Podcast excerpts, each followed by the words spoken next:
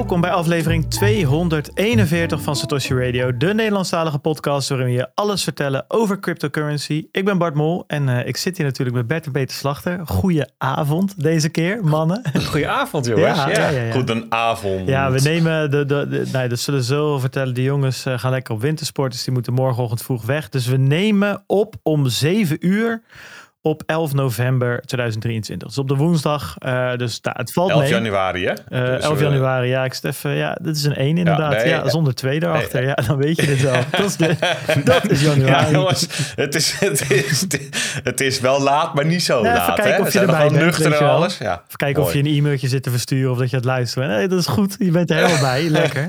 Ja, ja. Hou dat vol, Ja, hè? De hele aflevering deze keer. Ik, ga mijn best doen. Ja, heel mooi. Ehm, eh, deze podcast wordt mede mogelijk gemaakt door Anycoin Direct, Bitfavo, Watson Law, Coinmerse, Blocks en BTC Direct.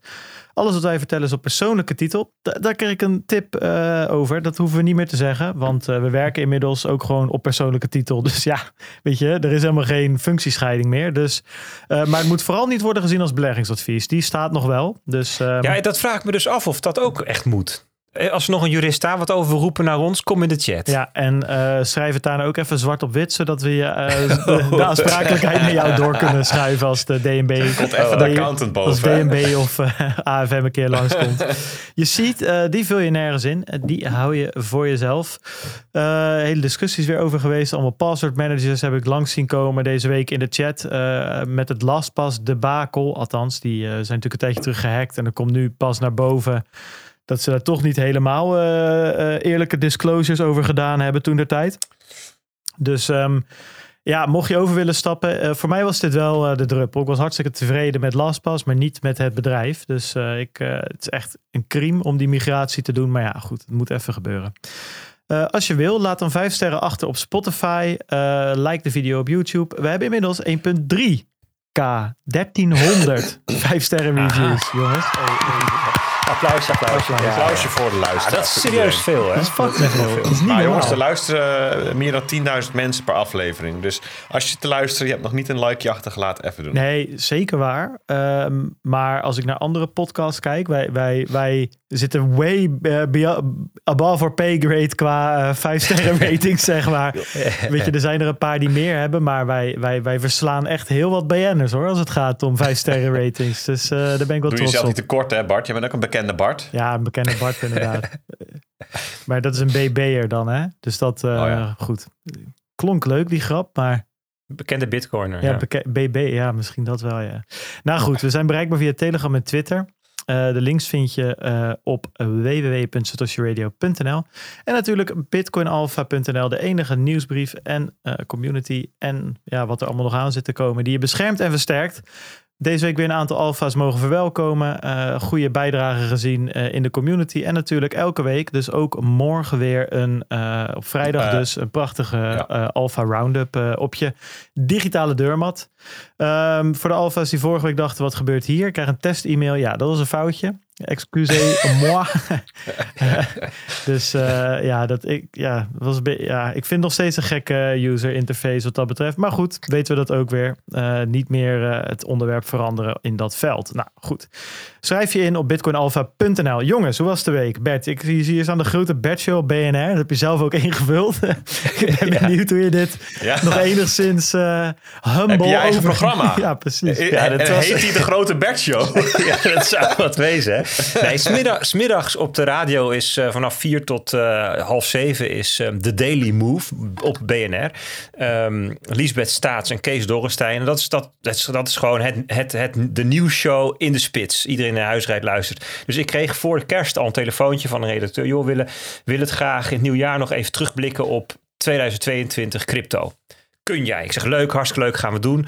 Ehm, het, het, was nog de vraag voor of niet, na, na de jaarwisseling. Doe het maar daarna, want voor de jaarwisseling hebben we ook met BNR Digitaal al teruggekeken. En dan zit het niet zo dicht bij elkaar. Hartstikke leuk. Toen al gepland. Drie weken geleden dus. Ik zou komen en ehm, ehm, Marloes Pomp, hè, die, die, die komt, is, die, is, zij is nu toch CEO van ehm, Wordproof Ja. geworden? Ik zag ook dat Ja, iemand ehm, anders weer de leider van de blockchain NL eh, tribe is. Of eh, hoe heet dat ook alweer? Ja, Die, eh, de Dutch Blockchain Ja. Coalition. Ja, daar, daar, werkt, ze- daar doet ze ook nog wel dingen voor. We spreken haar regelmatig, hartstikke leuk. Dus dat, dat, was, dat was tof. Dan word ik, word ik, ik, s ochtends had ik een voorbereidingsgesprek even. Word ik daarna teruggebeld? Ja, want ik zou daar om, om tien over half vijf zijn. Ja, kun je ook kun je wat eerder komen? Want we willen graag daarvoor ook nog een item maken over Bitfavo Genesis. Want dat is natuurlijk het nieuws van vanmorgen in de krant. Hè, van gisteren was dat ehm, het verhaal. Hè, dan hebben we het gisteren, is dinsdag 10 januari. Het hele verhaal van de, de, de, de, de brief van Cameron. eh, de Winklevi en, eh, en, en, en eh, meneer Barry Silbert die daar weer op reageerde. Gaan we straks nog wel over hebben inhoudelijk. Prima, kom ik eerder.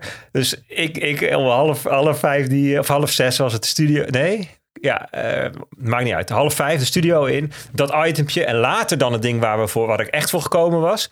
Halverwege doet Kees Dorrestein zijn koptelefoon een beetje... Er is vijf, er is vijf miljard gevonden.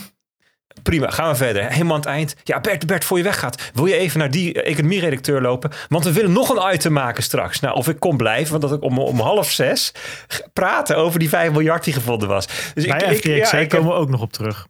Ja, ja, dus, dus eh, het was echt een, eh, een hele leuke, dynamische middag. Itempjes. hoofdredacteur. Ben- Ik zie jou al Ja. over die redactie lopen daar. Een beetje zo meekijken achter mensen eh hun Ja, schouders. ja. Weet je wel. Even daar, ehm, goed item. Even daar eh, aanpassen. Ja, Of, eh, FTX. Dit is geen staking, dit is lending. Even aanpassen. Voor de rest top. Nee, maar, zo, wel. nee, maar serieus, zo was het wel. Die John Ray, weet je, hoe noem je hem nou en zo? Nee, hey, doe maar, hey, hey, koffie, koffie. Ja. Maar Op je knieën Maar en excuses aanbieden. Maar ze zeiden wel allemaal, al die, al die, al die gasten van... Ja, het is eigenlijk wel, eh, wel, le- wel leuke onderwerpen zijn dit. Het is wel, eh, gebeurt wel veel. Ik zeg, nou, wat. Ja, precies, ja. Leuk. Ik heb moeder de vrouw al drie keer moeten bellen dat ik later kom. Ja, Nee, ik, was hier, ik was hier echt eh, één minuut voor, eh, voordat wij gingen opnemen. Dus het is allemaal goed het is gekomen. allemaal goed gekomen. Hij zit er weer. Ja, we hebben lang op je gewacht. Ja, nou goed. ik, zal- ik zal niet vertellen wat jij vijf minuten voor de, voor de opname opeens nog moest doen. Maar hoe is jouw week, Peter? Een relax weekje gehad? Goede week gehad? Oh, jongens, jongens. Ehm, nou, ja, goede week. Ja, relax wil ik niet noemen. Het is wel druk. Het is druk, want we gaan... eh, het is allemaal wat eh, gecomprimeerd, zeg maar. Omdat we nu natuurlijk eventjes gaan skiën een paar dagen. Dus dan eh, haal je wat werk naar voren toe. En dat prop je dan in, de, in wat je normaal over een dag of vijf, zeg maar, uitsmeert. Dat doe je nu in een dag of drie. Dus Maar ik, Ah, ja. ik zag er wat langskomen. Eh voor mij is het geen eh, eh, geheim wat ik nu ga verklappen. En anders, nou ja, goed. Dan is bij deze waar, waar, waar heb je het over? Nou, ik zag opeens allemaal chatgroepen veranderen in van lekker cryptisch Mm. in Descriptor. Dus misschien is dat wel even goed om nog even toe te lichten wat daar nou precies allemaal gaande is. ja, wij waren mensen aan het scammen. Ja, die zijn Ja, wel- mooi, De descriptor. Ja, waarom moet ik een bitcoin geven en waarom krijg ik er twee terug? Ja, daar heb ik me niet voor aangemeld. Dat soort dingen. ja. Nou, kijk, Bert en ik die, ehm, eh, waren vorig jaar gestart met het rebranden van Lekker Cryptisch naar een ander merk toe. Dat heet The Descriptor. Soms laten we die weg, is gewoon Descriptor. En dat ehm, eh, hebben we eh, gedaan omdat het wat professionele jasje wilde geven. We merkten vorig jaar natuurlijk best wel veel, heel veel verschillende settings iets, iets gezegd over Bitcoin, over decentrale tech. Ehm, en zeker als je dan eh, wat meer buiten Nederland ook je, je stem laat horen, dan, ja, dan werkt lekker cryptic niet zo, eh, niet zo lekker. Ja, dus Ehm. buiten Nederland moet je denken aan Brussel, maar ook de Bitcoin-conferentie in Amsterdam. Weet je, dat is in het Engels, dat soort plekken. Ja, Dat is ook niet echt een dus vertaling voor lekker überhaupt. Hè? Tasty Nee, crypto kijk, krijg je dan of zo. Ja dat klinkt als een burger van de Ja, McDonald's. precies.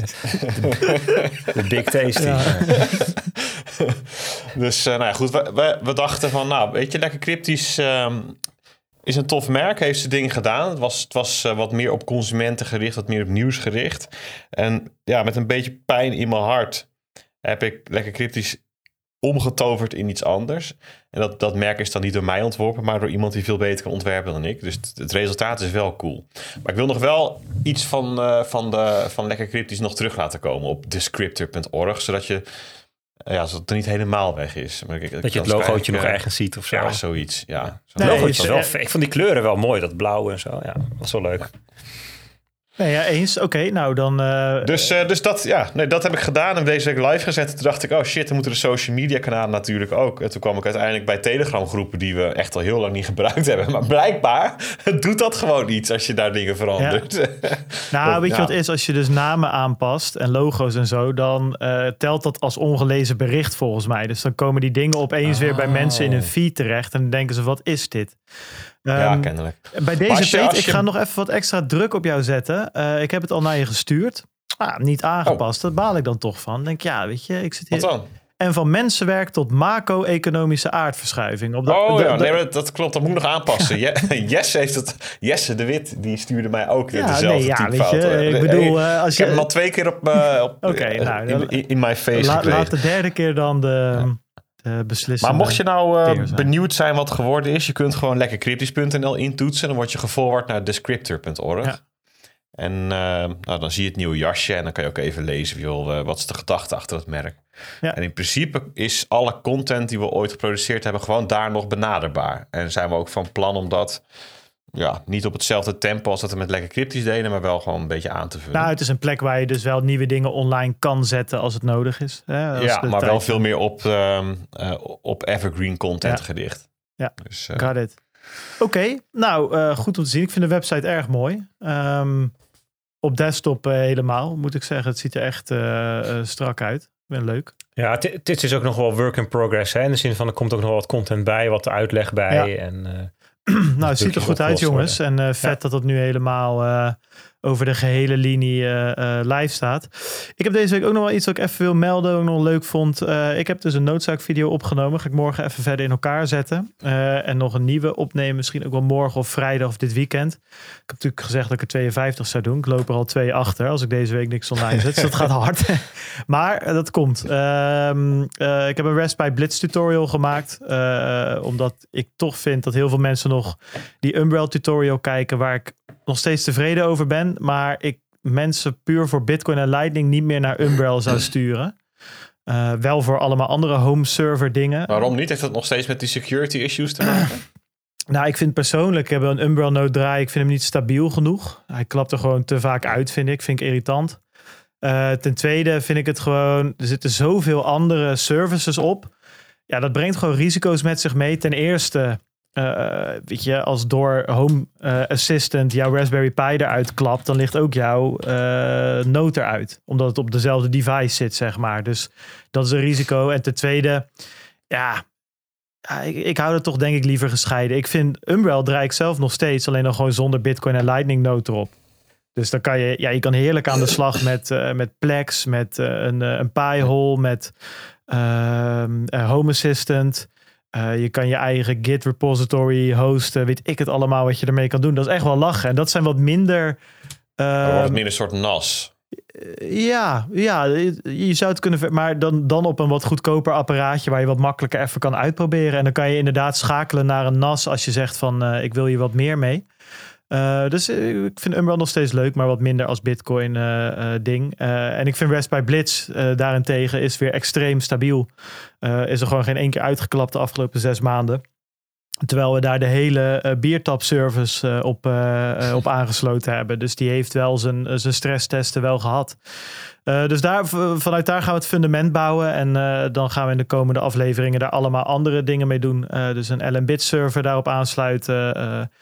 Hardware wallets daarop aansluiten. Ook een aantal van de dingen die in de chat zijn genoemd. Ook die jij hebt genoemd, Peter. Het, eh, een beetje die kant op. Dus dat wordt eh, hartstikke leuk. Ehm, ik zal het laten weten wanneer het live staat. Maar hopelijk eh, deze week de eerste.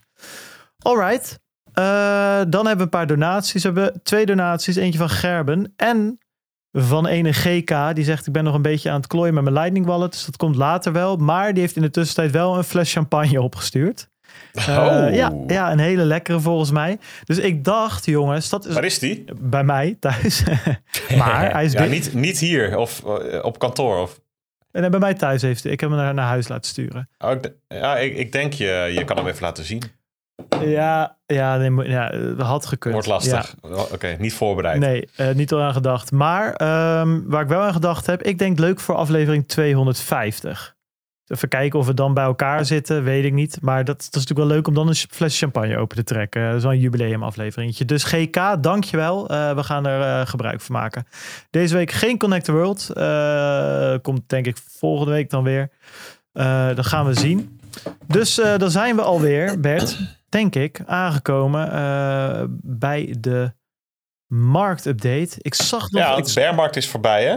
Ja, inderdaad. inderdaad. Precies. Uh, de bearmarkt is voorbij, dat sowieso. Daar wil, daar wil ik het wel over hebben. Ik zat ook nog, maar dan moet ik even kijken hoor. Ik had van de week, nou, ik zal hem even opzoeken. Ik zag hem ergens al op de Economist al een geinig, uh, geinig artikel. Nou, een tijdje terug hadden we het daarover. Uh, moet je maar kijken of je hier nog wat mee wil hoor, Bert. Maar ik vond het wel grappig om nog even op terug te komen. Een tijdje terug hadden we het over van wat weet niet of het in de Telegram groep of in de, of in de community was of, of in de podcast dat.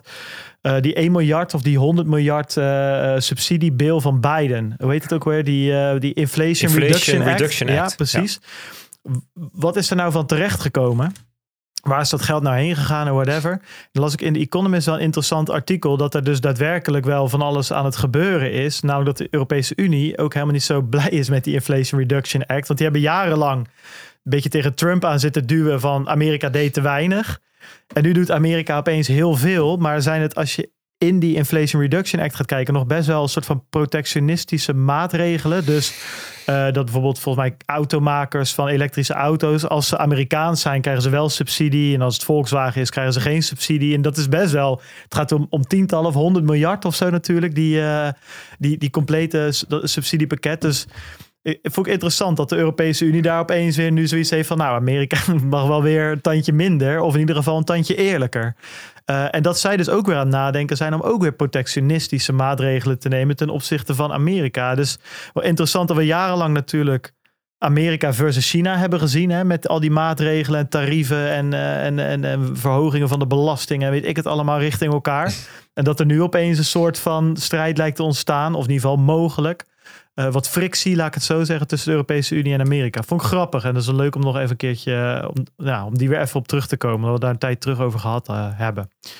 Ja. ja, je noemt tarieven, tariffs, denk ik dat je ja, bedoelt. Precies, hè? Dat zijn de, meer, de importheffingen. Ja, belastingen. Ja, dus ja. Ja, zeg maar, het idee van importheffingen is dat producten die geïmporteerd worden een hogere uh, drempel, eigenlijk een soort van uh, wind tegen hebben ten opzichte van de producten die binnen de grenzen worden geproduceerd. Dus importheffingen, zeker als die heel erg gericht zijn op specifieke stukken of specifieke landen, ja, dan is dat um, een vorm, zou je kunnen zeggen, van economische oorlogsvoering. Nou ja, zo wordt het dan ook door China werd het wel een beetje zo geïnterpreteerd als een daad van agressie. En het wordt dan vaak beantwoord. Hè? Dat is ook wat Bart over heeft. Van ja, als wij dit doen, dan als zij dit doen, doen wij dat, weet je wel. En dus ik heb die, die Inflation Reduction Act niet helemaal gelezen. Ik geloof ook dat het iets van 6000 pagina's of zo is hoor. Maar ik, ik las dit verhaal van die, van die elektrische auto's ook.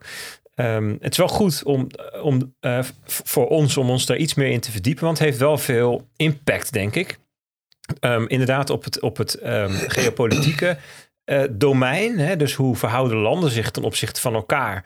Dat heeft, dat heeft e economische consequenties. Voor de, de groei van de economie van bijvoorbeeld Europa versus Amerika. Maar ook um, voor de inflatie. Uh, daar heeft ook impact op. Het heeft ook impact op uh, zeg maar de, de, de, de, de grote seculaire beweging van globaliseren of deglobaliseren. Dus het, toenemen van um, dingen naar je eigen grondgebied terughalen en, en, en importheffingen opleggen. Dat zijn eigenlijk deglobaliserende maatregelen. Dus het is, het is absoluut heel erg interessant. Ik hoorde ook wat, wat Amerikaanse analisten zeggen van ja, die hele Inflation Reduction Act, dat is inflatoire, dat verhoogt inflatie, omdat er geld wordt uitgegeven aan van alles en nog ook infrastructuurprojecten, bruggen. Maar die mensen zijn helemaal niet om die brug te bouwen. Dus dat betekent dat er zeg maar nieuwe vraag naar arbeid op, bijkomt. Ja, dat wordt dus een kwestie van opbieden tegen elkaar. Dus worden dingen duurder. Het is heel raar dat um, de overheid geld uitgeeft, terwijl de centrale bank probeert te remmen. Dus dat is dat gas geven en het remmen tegelijk. En daar heb ik eigenlijk ook nog onvoldoende zicht op. Um, um, hoe, wel, hè, welke omvang dat heeft om dat te kunnen kwantificeren. Om te kunnen zeggen of dat nou uh, daadwerkelijk in 2023, 2024, 2025 weer voor hoge inflatie zou kunnen gaan zorgen. Maar dit is beslist een belangrijk thema. Ehm, als, ik te, als, we, als ik of jullie of we er wat meer van weten, dan komen we nog wel op terug. Ja. Of als er andere dingen gebeuren die in dit eh, dossier vallen. Ja, ik wilde nu gewoon eigenlijk eens bij naar die Bitcoin-koers kijken. Want ehm, ja, op 18 juni 2022, dat, dat, dat was in de, in de zomer. Dat voelt, dat was zeggen nog eens voor de zomer. Het was nog drie dagen voordat de zomer begon. Toen stond de koers op 17.500 dollar. En dat staat hier nu weer. Hm. We staan even hoog als zeven maanden geleden. Zo'n beetje. Ehm, en dat komt, want die koers was vorige week 16.000 of zo, omdat, omdat, de, omdat, de, omdat de koers rustig aan het stijgen is. Vanaf 1 januari hè, is die 6% gestegen, de Bitcoin-koers. Ja, en inderdaad, wat, je zegt, hè, het is de, de, de bearmarkt is voorbij. Man, man, man. Ik krijg overal de vraag, zo joh, goh, die bitcoins in het groen, jongens, gestegen. Ik zag zelfs een stukje in het FD, heel klein stukje. De cryptomarkten die herstellen, weet je wel. Nou, ik zag wel Ik wat joh. eh, gestoorde, uh, ouderwetse verdubbelingen op de altcoin-markt. Nou zegt het allemaal niet zoveel, maar dat... eh, Gaan we het zo even over hebben. Maar die, die, die 6, zo'n 6% stijging. Joh, er, waren, er zijn tijden dat we dat per uur normaal vonden. Als dat gebeurde. nou ja, nog steeds, maar naar, naar beneden over het algemeen. ja, ja, ja. Fair enough. Negatieve stijging van 6% per uur. Ja. Ja. Maar, maar goed, het, is, het, het gaat heel rustig, stapje voor stapje omhoog. Altcoins deden het inderdaad beter. Eigenlijk eh, over, over de hele breedte wel. Ehm, Ethereum eh, sinds 1 januari, kijk eventjes, dus, ehm, dus dat is nu in 11 dagen 13% BNB, dus de Binance Coin nummertje 3 op de lijst, 15% hoger. Sommige specifieke assets deden nog heel veel beter. Dus Cardano 27%, Filecoin 25%, Solana 60% hoger. Lido 90% hoger. En dan zeggen mensen, tjoh, dat is wel een enorme prestatie, veel beter dan Bitcoin. Maar eigenlijk, ja, moet je dat eh, nog even in iets anders... Ik wil eerst nog wat anders noemen. Ik, ik denk, ik, volgens mij mis ik iets. Want niet alleen al die altcoins, ook crypto-gerelateerde aandelen deden het heel erg goed. Dat is ook opvallend. MicroStrategy, Coinbase, maar ook miners zoals Marathon en Riot. Gisteren plus 10%. Ja, was Ehm, interessant, want Coinbase heeft weer eh, 950 man op straat gezet. Dus niet echt een teken dat het daar eh, eh, fan- fantastisch voor de wind gaat, zeg maar. Ja, ja, ja. Dus, dus de vraag is dan, wat is hier dan aan de hand? Hè? En dus voordat je dan denkt van, tjoh, al die munten doen het heel veel beter dan Bitcoin. Dat had ik namelijk al in gedachten. Kijk, je moet eigenlijk wat verder terugkijken. Dus ik heb in een grafiek gewoon gezet, weet je. Ik heb even wat uitgekozen. Bitcoin, Solana, Coinbase en Marathon. Dus dan hebben we een miner, we hebben een bedrijf, we hebben zo'n altcoin die het heel goed heeft gedaan en Bitcoin. En dan heb ik ze allemaal gelijk gezet op 1 september. En heb je ze in dollarwaarde, neem ik aan. Ja, in Ja. dollars. In dollarsjes. En dan, en dan, dan zie je dat de, de, de bitcoin koers... Ja, die, die gaat een beetje, slingert een beetje om die 0% heen. Dus soms iets in de plus, soms in de, in de min. Tot begin november. Want dan hebben we de FTX crash. Nou, dan gaat alles naar beneden. En bitcoin staat nu ten opzichte van 1 september vorig jaar op min 11%. Coinbase staat op min 36%. Solana op min 47% en Marathon op min 51%. Dus die stijgingen zijn heel erg groot. Marathon is zo'n beetje verdubbeld, denk ik, gok ik. Alleen, dat betekent eigenlijk niet dat ze heel erg sterk zijn, maar dat ze ietsjes minder zwak zijn. En dat is belangrijk om je achterhoofd te hebben als je dat soort achterlijke stijgingen ziet. Zoom dan een beetje uit en kijk ook waar het vandaan komt. Hè. Dus neem een Solana, ja, dat is natuurlijk heel verklaarbaar. Die heeft natuurlijk ongelooflijk veel verloren in het FTX-verhaal, omdat Solana gewoon eh, Samcoin is. Dus die had heel veel verbinding met het hele Solana Alameda-verhaal. Het geldt ook voor ehm, Lido. Er zat natuurlijk ook een verhaal omheen. Dat had, dat, dat had te maken met... ehm, eh, eh, ehm, dat, eh, Lido is van De het, van het liquid staking. De liquid die staking van Ethereum. zaten. Eh, en dan kan er een discrepantie tussen de Ethereum-prijs en die Lido. Li- is Lido, Ja. Lido, nou whatever, die, Ja, die Lido, staked ja, Ethereum-prijs komen. Ja. Precies. Nou, en, en Filecoin, dat was samen met bijvoorbeeld Ethereum Classic. Dat was het mandje van munten. Wat blijkbaar verbinding heeft met de Digital Currency Group. group. Eh, dus, dus, dus het Genesis verhaal. Want dat, is namelijk, dat zijn namelijk munten die dan blijkbaar of bij hun in, in fondsen zaten. Of daar zijn ehm, grayscale funds van of zo. Dus die zag je allemaal heel hard dalen in de periode dat Genesis in de problemen kwam. Dus je ziet eigenlijk dat de munten die het nu heel erg goed doen, eigenlijk allemaal een verhaal hebben. Waardoor, dat, ja, waardoor eigenlijk hun extreme verliezen ietsjes worden goed gemaakt. Dus dat is denk ik fijn om even in je achterhoofd te hebben van joh, als je dat soort dingen ziet. please, dit is niet het moment in de, in de cycle om FOMO te hebben of nu domme dingen te doen. Daar gaan we straks nog wel even over hebben. Maar bearmarkt, in een bearmarkt is het allerbelangrijkste om te overleven. Ga dan niet uh, zitten stunten. Um, Zo is het, Bert. Tel hem. Nee, ik ben het helemaal met je eens. Ja, ja, ja. Nee, maar kijk, het is prima. In de, uitzending vind... even, in de uitzending gewoon eventjes wat, wat harde waarheden. Niet gaan zitten ja, stunten, je moet, je jongens. Potverdomme. Ik, heb gewoon, weet je, ik heb voor het eerst de Mark Clip functionaliteit gebruikt, jongens. Niet stunten. Mooie. Ja. Dit is een mooie. je bent een rund als je met altcoin stunt. Zo is het. Show hem. Show maar gewoon nog een keer. Maar weet je, ik weet je wat het is. Um, uh, in, in een boelmarkt is het helemaal niet gek om van als je vanuit vermogensbeheer of speculatie, om dan um, wat te proberen te traden met een klein gedeelte van je vermogen. Dat kun je doen via aandelen. Hè. Dus bijvoorbeeld um, Coinbase of MicroStrategy. Die zouden het, en miners ook, die zouden het best wel eens veel beter kunnen doen dan Bitcoin in een stijgende markt. Ze doen het namelijk ook heel veel slechter dan Bitcoin in een dalende markt. Dat zien we ook bij goud en zilver. dus zeg maar een high beta play op goud en zilver, dat is miners. En dan het liefst junior miners. Dat zijn, hele, dat zijn, dat zijn de kleine experimentele bedrijven, zeg maar. De bedrijven die nog niet gevestigd zijn, maar ze hebben bijvoorbeeld uh, een goudader ontdekt of een, of een permissie gekregen om ergens te gaan minen.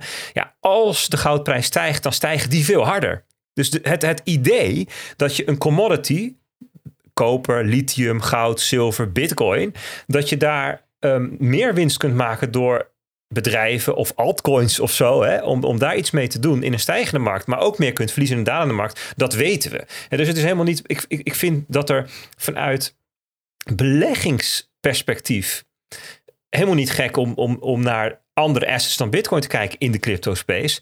Maar doe dat in een boelmarkt en niet nu. Hè? Dus dat is even het, het verhaal. de vraag het, is dan wel natuurlijk een beetje... ja, je wil ook niet zeg maar degene zijn die op de top al zijn centen in, uh, in Solana uh, keepert, weet nee, je wel. Nee, dus ik zei ook met een klein gedeelte. Nou, oké, oké, okay, fair enough. Dat zei je inderdaad. maar dus, maar dus, dan, dan nog... Me, ja? Ja, nee, ik denk, dan bedoel ik even voor de duidelijkheid, bij een klein gedeelte 5%, 3%, 8% Een beetje die orde grootte moet je denken. Ja, eens. Nee, dat, dat, dat zei je inderdaad. Dat is, dat is een ver, uh, goede, goede opmerking. Maar mijn, mijn punt is een beetje dat ja, je wil natuurlijk ergens ook wel een beetje in een bear. Ja, dat is natuurlijk het punt. Je wil natuurlijk het liefste zo laag mogelijk instappen en zoveel mogelijk die run-up meemaken en dan kunnen verkopen. Maar je wil ook niet dat, dat je koopt en dan natuurlijk nog omlaag dondert. Dus dat blijft natuurlijk altijd een beetje tricky. En, en hoe hoe shittier de shitcoin, hoe uh, moeilijker dat in te schatten is, zeg maar. Want ja, weet je, voordat je het weet, uh, word, word je gerugpulled bij je NFT-project of weet ik het wat. Dus natuurlijk, die schieten alle kanten op. Dus dan is de vraag natuurlijk waar ook... Ja, waar kan je nog wat over zeggen? Hè? Waar kan je nog daadwerkelijk een inschatting doen? En, en bij, de ene, bij het ene project zou je dat misschien enigszins kunnen doen. Alleen dat wordt al vrij snel, vrij... Nou, we hebben het vaker gezegd, rijden in de mist. Ja, dus um, maar, ja let, uh, let goed op. 100% mee eens, Bart. Dus je moet eigenlijk om als je zulke dingen wil doen, moet je iets zinnigs kunnen zeggen over waar je staat in de cyclus. En met cyclus bedoel ik niet per se de Bitcoin-cyclus met halvings en zo, maar gewoon het, de eb en vloed van van, van de cryptomarkt. Hè? Ik bedoel, elke markt heeft een cyclus. Die heeft een periodiciteit. Het komt en het gaat. Je hebt hoogtij en je hebt laagtij. En je hebt de, de periode waarin er groei is en in de periode waarin dingen tegenvallen. Het heeft ook vaak met conjunctuur te maken. Het heeft namelijk ook te maken met het sentiment en met de risicobereidheid van mensen en met de overvloedigheid of de prijs van het geld. En die zijn, hangen allemaal samen met die conjunctuurcyclus. Dus, dus, dus dat, daar moet je iets over kunnen zeggen. En als je dat dan weet, ja, dan zijn er verschillende strategieën. Hè? Dus ik had er wat opgeschreven. Um, de, de, de, de cyclische beleggers, die kopen rondom de bodem. En die verkopen rondom de top. Dus die hebben allerlei indicatoren. Of soms ook eh, hebben ze allerlei ideeën over een cycle. Je hebt allerlei cycle-theorieën. Die, en, en daar aan de hand daarvan denken ze van nou, ik, ik denk dat hier ongeveer de, de bodem gaat vallen. Dus dan beginnen ze daarvoor met kopen. Ze kopen door de bodem heen en dan iets daarna nog. En dan hebben ze hun positie ingenomen. En dan, ja, dan rond de top gaan ze verkopen. Waarschijnlijk een gedeelte kopen, verkopen ze veel te vroeg. Een gedeelte raakt perfecte top en een gedeelte verkopen ze te laat. Dat is, een, dat is als je de cycle volgt. Je hebt mensen, zijn momentum traders. Die zijn helemaal niet geïnteresseerd in die bodem. Die zeggen, weet je wat, ik wacht af tot ik bevestiging heb dat we weer in een boelmarkt zitten. En ik accepteer dat ik dan het beginstukje mis. Maar dat zij dan maar zo. En ik verkoop als ik bevestiging heb dat we, ja, dat we over die top heen zijn. En dan begrijp ik ook dat ik niet perfect die top pak. Maar dat is dan maar zo. Dat is momentum. Je hebt ook langer, lange termijn investeerders. Ja, dat zijn de mensen die kopen gewoon ongeacht de prijs. Want hun horizon is 10 jaar. En dus die DCA'en of die, uh, die kopen eenmalig en die zetten het 10 jaar weg. Dat kan, dat is ook een strategie. En je hebt smart money. Dat is interessant. We moeten het zo meteen nog even over hebben. Want ik wilde eerst nog even terug. En want waar staan we dan in die cyclus? Ja, op dit moment denk ik dat je um, wel kunt zeggen dat we vol in bearmarkt territorium zitten. dus als je een, uh, een, mooie golf tekent, een, een sinusgolf, als je luistert kun je dat misschien voor je zien. Dat je, dan zitten we echt in het onderste stukje van die, uh, van, het, van, hè, van, van, die, van die golfbeweging. Ja, zit je dan voor de bodem of daarna, dat weet je natuurlijk niet precies. Maar um, er zijn wel allerlei. Dat kunnen we zeggen. Nee, nee. nee, precies. Nee, maar kijk, ik, ik noem even, even, een aantal dingen op hè, die, die voor mij een indicatie zijn dat het bearmarkt is. We zitten onder de 20, 50 en 200 weekse moving averages. 200, 200 eh, weken, hè, dus dat is een hele lange. Die, die staan respectievelijk op 18,5, 26.000 en 24.500 euro. Uh, dollar. Dus dat is allemaal boven de huidige koers. De realized price, dus dat is de gemiddelde prijs waarop is aangekocht, 19.700. Um, de, de, de, de realized price of de kostenbasis van de short-term holders zijn mensen die recent gekocht hebben. Staat op 19, of 17.900. Dus ook zelfs nog boven waar we nu zitten. Um, er is een falling wedge te tekenen als je technisch gaat kijken.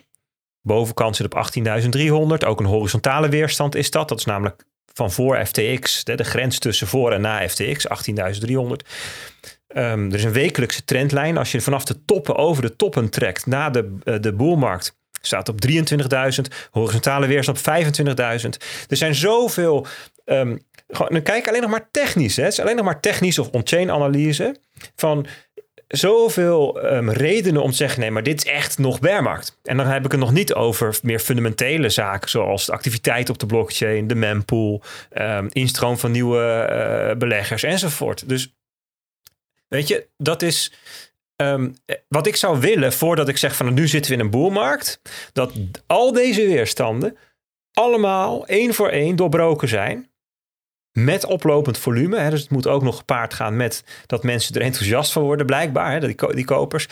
En liefst ook nog ondersteund doordat we gewoon zien dat de activiteit weer toeneemt. activiteit op handelsplatformen, dus het volume, activiteit in de blockchain.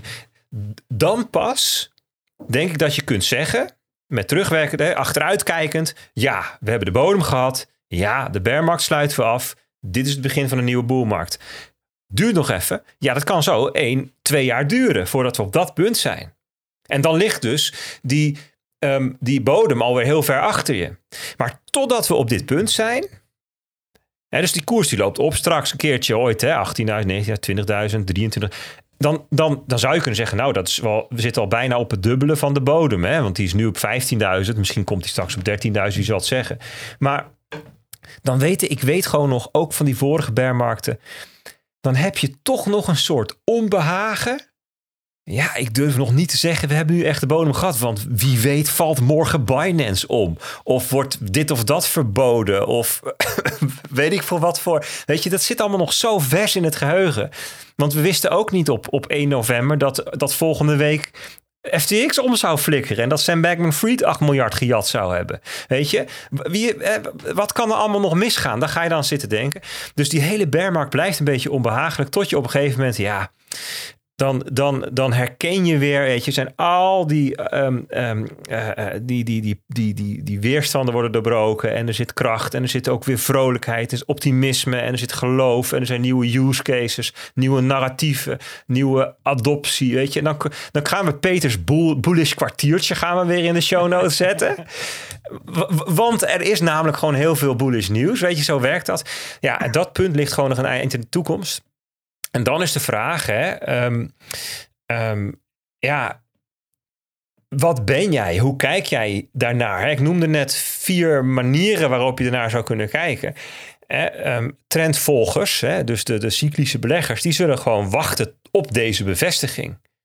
En dan zullen ze zeggen van ja, uh, ik, het interesseert me niet dat ik de eerste 100% stijging heb gemist van 15.000 naar 30.000 of zo. Maar nu zitten we echt een nieuwe boelmarkt. Nu vind ik, nu accept, hè, nu, nu geloof ik dat, nu zie ik dat wel weer zitten. Hè? Um, oh, sorry, dat waren de momentum traders van. Maar dat in ieder geval de mensen die die trend volgen. Smart money, en dat is wel interessant smart, hè, dus we noemen dat, we hebben smart money en dump money. En smart money, dat, dat, zijn, ja, dat zijn de mensen die kopen altijd rond de bodem en die dumpen het op de, op de, op de dump money. Hè. Dat is een beetje het, het beeld. Ja, die, die kopen vaak, dat zijn vaak ook de, dat is vaak professionelere beleggers. Die, die, die kopen in de periode dat risico's afnemen. Dus ze zien die bodem zich, dat volgen ze heel nauwkeurig. Ze zien dat die bodem ontstaat. Dat, dat er, dat er, um, er, gaat van alles mis en er vallen dominostenen, maar elke dominosteen heeft minder impact. Op een gegeven moment zien ze de risico's afnemen. De risico's van nog meer besmetting, de risico's van uh, bijvoorbeeld um, onzekerheid over regelgeving. Hè, dat wordt op een gegeven moment helderder in de loop van zo'n bearmarkt. Of risico's van technologie die gefaald had in, en, en, en, en gemaakt moet worden. Er zijn allerlei soorten dingen en dat zien ze en dan zeggen ze... hey, we gaan nu eens een positie innemen. En dat is wel interessant. Um, de, de, grote, de, de grote analist... Um, Richard Wyckoff, die schrijft daar, schreef daar in het verleden wat over. dat is wel een prachtig uh, trading, trading uh, hoe noem je zo'n ding? Zo'n ins instrument op zijn naam staan. Ja, nou niet, ja, niet zozeer een trade of zo. Maar, iets, uh... Ja, nee, nee hij, heeft, hij heeft van die patronen. Oh, ja, zo'n Wyckoff, ja, ja. zo'n accumulation en distribution patroon. Okay. Zo'n Wyckoff patroon. Maar um, ja, hij, hij, hij, um, um, hij, hij wordt gezien als een van de vijf titans van technical analysis. Charles Dow zit daar bijvoorbeeld in. Charles Dow die richtte eind 19e eeuw de Wall, Street Journal op en de Dow Jones Industrial Index. Weet je, dat, dat soort mensen. En hij schijnt anders in die tijd daar ook te, te hebben uh, dingen hebben gedaan. Hij, hij leefde tussen 1873 en 1934. Dat is echt wel een tijd terug. Dus 100 jaar geleden, joh. Dus toen was hij al bezig met markten te bekijken. En hij had, had het. Hij had, hij, of niet? Ja, ja, ja. En hij, die, die, kon je, die kon je gratis volgen. En hij regelde wel dat het bij de overheid stapbudget werd ja, Hij heeft er echt veel geld mee verdiend hoor. Ja, dus um, uh, ja. Die oude Wikhoff. Ja. die had het wel goed gezien. Richard Vos. Maar um, nee, maar hij, uh, hij had het over de composite man. Um, hij zei van, ik, je zou naar de markt kunnen kijken Um, dat alsof daar een, een grote speler is, één grote speler, en die heet de markt. De composite man noemde hij dat. Dus de, de, de man die, die, die de verzameling is van, van, al, van alle grote spelers, alle invloedrijke spelers. En die man, die, die verzamelt, die accumuleert, die verzamelt, die koopt op de bodem. Als niemand het wil. En dan stuurt hij de markt omhoog een uptrend in. Waarna allerlei andere mensen aanhaken, zeggen: hey, hey, dit, eh, hier, hier gebeurt iets. Ik wil meedoen, ik wil ook op de trein. En dan het wordt iedereen wordt steeds enthousiaster. Een echte boelmarkt ontstaat, een beetje hype, euforie. En dan bij de top, dan verkoopt die composite man. Ja, aan wie? Ja, aan de mensen die dan nog op de trein willen springen. en dan, dan, dan gaat de koers naar beneden. En dat, dat, die, dat onderin heet accumulatie en bovenin heet distributie. En, dat, en die termen gebruiken ook wel. Hè. In, in, in, als je het over analyse van de markt hebt, dan heb je het over distribution en, en accumulation. En ik, ik vroeg me altijd af, waarom heet het nou zo? En dat, dat heet dus zo niet omdat. Kijk, ik dacht, vind dat is wel raar eigenlijk dat het accumulatie heet op de bodem. Want ja, wanneer accumuleren spelers? Nou ja, in de boeren. De meeste mensen die kopen in de boeren. Alleen dat is dus gedacht vanuit die fictieve smart money man, die fictieve perfecte speler, die koopt op de bodem en verkoopt op de top. En die composite man die, die, um, die Richard Wyckoff in gedachten had, ja, dat is denk ik wat we tegenwoordig smart money noemen. Dat zijn dus de grote spelers die die, eh, die, die, die snappen wat de risico's zijn, die invloed hebben, die ook een beetje de markt kunnen bespelen. En want dat is toch ook wel wat je ziet. Hè? Het Wall Street Playbook wordt het wel eens genoemd. Hè? Grote spelers die dan, ja, die willen ook wel even in alle rust een beetje hun posities kunnen opbouwen. Dus ja, die koers is laag en af en toe dan stijgt die en dan gooien ze weer wat fut de, de machine in en dan daalt hij wat, kunnen ze nog meer kopen. Totdat ze denken van, nou, nu hebben we de posities, nu kan, nu kan die markt wel gaan. Nou ja, dat klinkt allemaal een beetje cynisch, maar ja, er is in het verleden natuurlijk wel op allerlei plekken ook aangetoond dat dat ook wel is hoe, hoe Wall Street werkt. Hoe de grote spelers daar werken, de grotere vissen. We zitten nu in de zone ja, waarin doorgaans die accumulatie plaatsvindt. Dat betekent dus niet, mensen, dat de bodem per se achter ons ligt.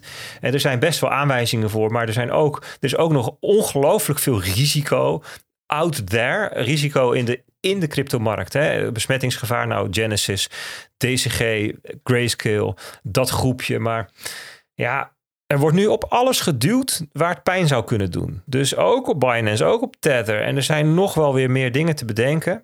Um, Voor mij heeft Justin Sun uh, van de week nog 100 uh, miljoen Tether naar Huobi moeten brengen. Om daar de liquiditeit een beetje op, ja, op peil te houden. Hoor je, ook, hoor je ook dingen over. Maar andere fondsen of wetgeving of dingen die verboden worden. Ik weet het ook allemaal niet. Maar er zijn allerlei dingen mogelijk. Hè, dus, maar ook buiten de cryptowereld. Hè, dus ook in de macro-economische zin. Ja, het lijkt nu allemaal...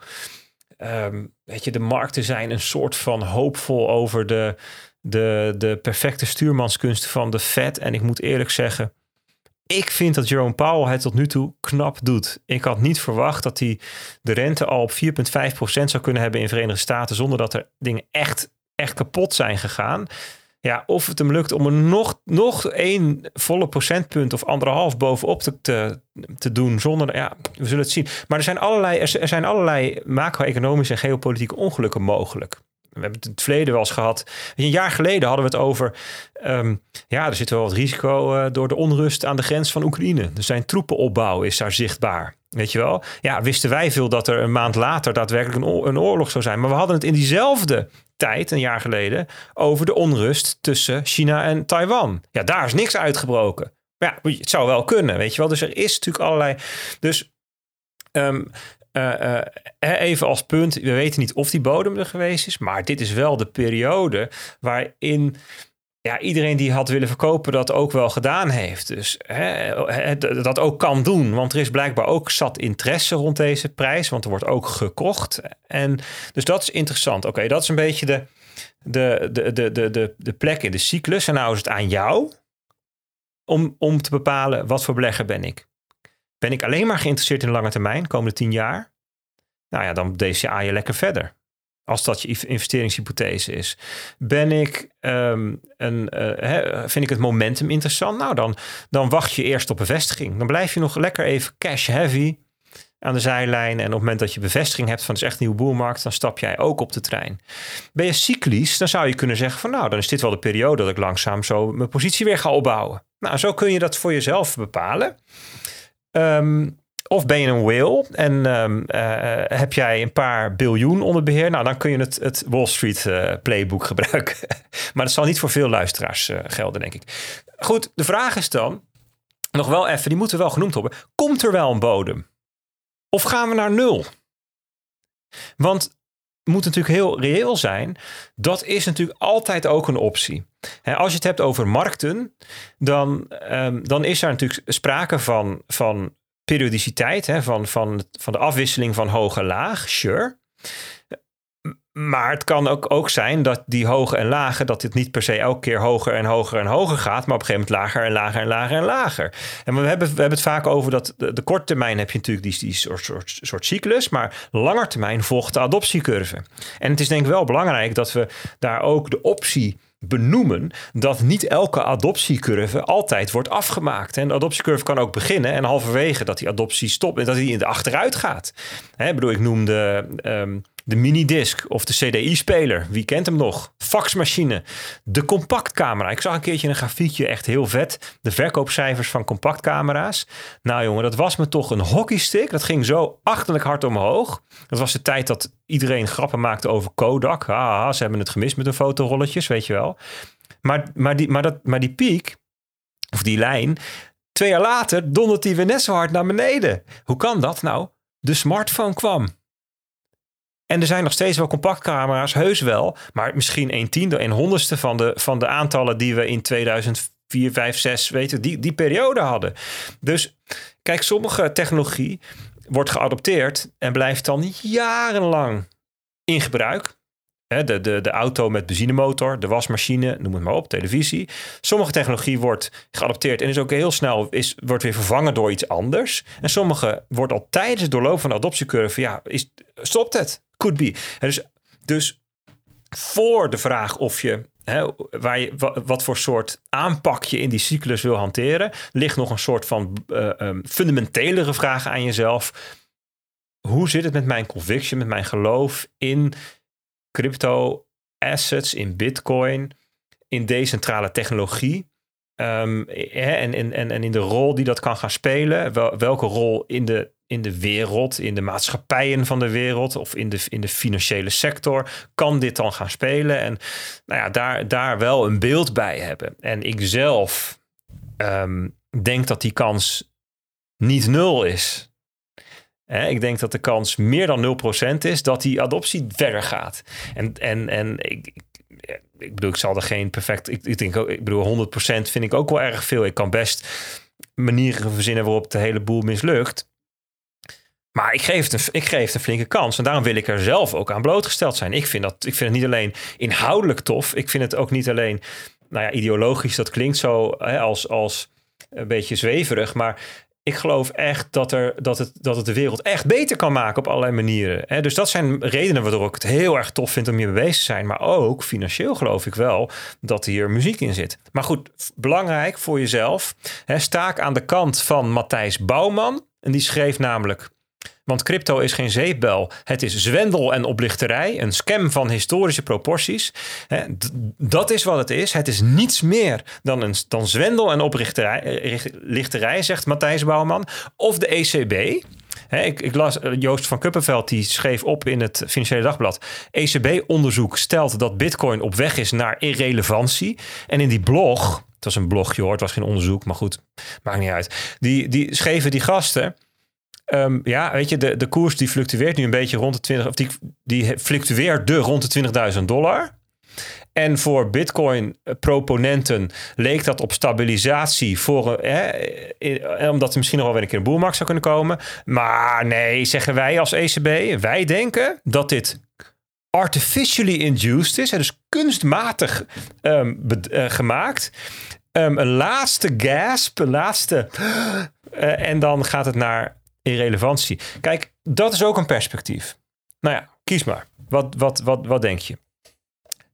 Als Matthijs Bouwman, Jozef Kupveld, ECB ongelijk krijgen, dan komt er dus een nieuwe boelmarkt met koersen, nou ja, weet je, in de buurt van boven de all-time high. Hè, alleen wanneer, ja, I don't know. Hoe die eruit komt te zien, geen idee. Wat, wat de hype wordt, wat de thema's worden, wat de narratieven zijn, de grote verhalen, weet ik nog niet. Ja, maar kom op, daar doe eens even een gooi. Dus, maar maar dat, dat vind ik wel een interessante vraag. Kunnen we er een gooi naar doen? maar, maar, maar, voor, la, laten we verhaal, leuke opbouw, maar kom op. Nou, laten, we, nee, laten, we, laten we even rondmaken. Dan, dan wil ik dat. Want ik wil ook nog wat over graag aan jullie dus vragen. Maak hem rond, inderdaad. Ja, maak hem rond. Dus, dus we zitten dan nu in die bearmarkt. We, hè, en um, het is aan jou, eh, die boelmarkt die is misschien nog wel één of twee jaar uh, in, uh, weg. En daarmee bedoel ik het punt dat je, laten we zeggen, boven de 30.000 dollar zit. En er zeker weet dat die, dat die bodem in de achteruitkijkspiegel zit. Wat je in de tussentijd doet, ja, bouwen natuurlijk. Hè, dat zeggen bear markets are for building. Maar wat je doet als investeerder, dat hangt af van je eigen um, karakter of je eigen aanpak als, als belegger of investeerder of vermogensbeheerder. Um, en, en om hem rond te maken.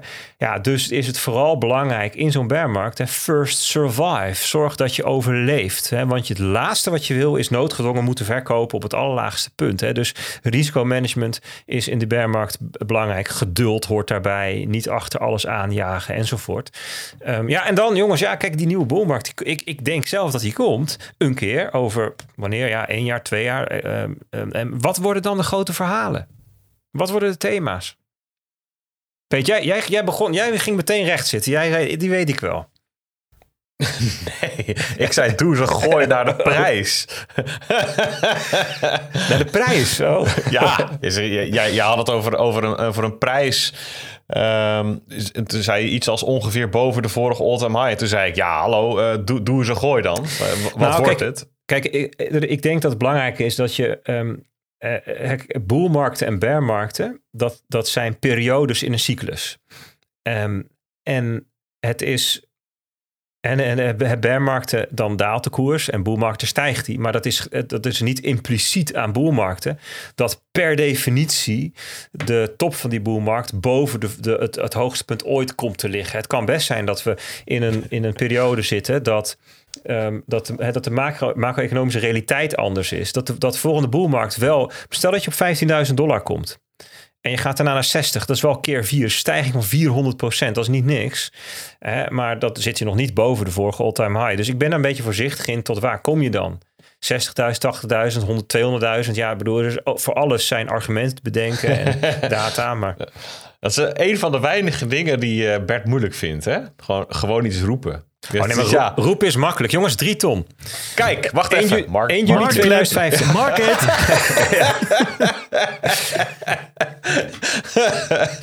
Mooi man. Ik, in, in deze context vond ik, het, eh, wil ik hem ook even hier tippen. Ik, ik kwam hem tegen op onze geweldige Circle community van Bitcoin Alpha. Ehm, iemand, ik weet niet precies meer wie het was, maar die gaf een, eh, een luistertip. Namelijk van een, ehm, een Q&A met Katie Wood van, eh, van ARK Invest. Ik weet niet precies wat de context was, maar ze beantwoorden vragen over hun strategie. Ik denk dat het eh gericht hun was aandeelhouders, aan, eh, ja, de aandeelhouders. fonds.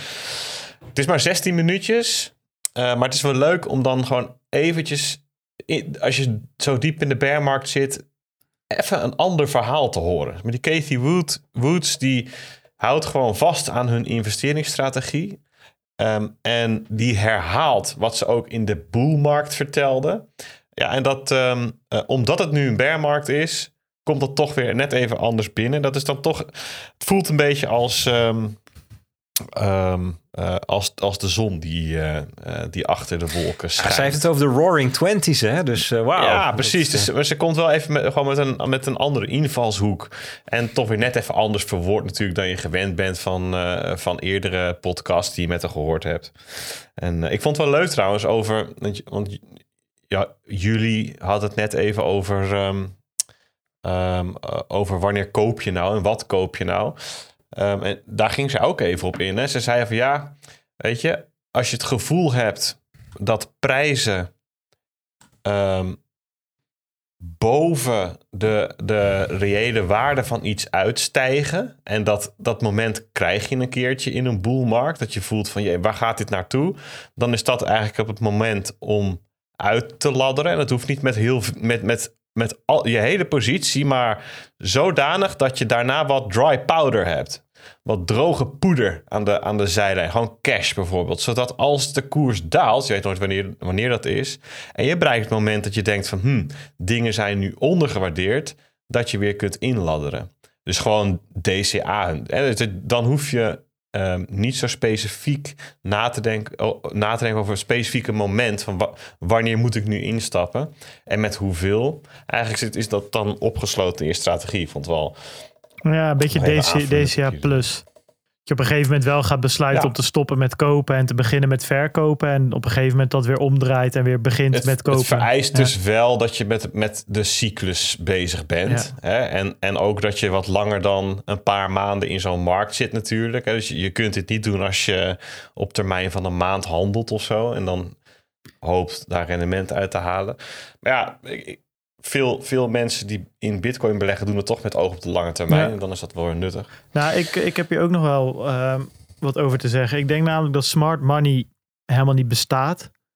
Ehm, het, althans, nee, eigenlijk niet. En ik, vind, ik ben het wel met Bert eens. Ik vind, denk, smart money is vooral veel money en daarmee veel invloed eh, en veel mankracht en veel kennis eh, of tijd om, om naar een markt te kijken. Dus als jij in je eentje denkt dat je smart money bent, dan kan ik je alvast uit de illusie helpen dat dat is niet zo.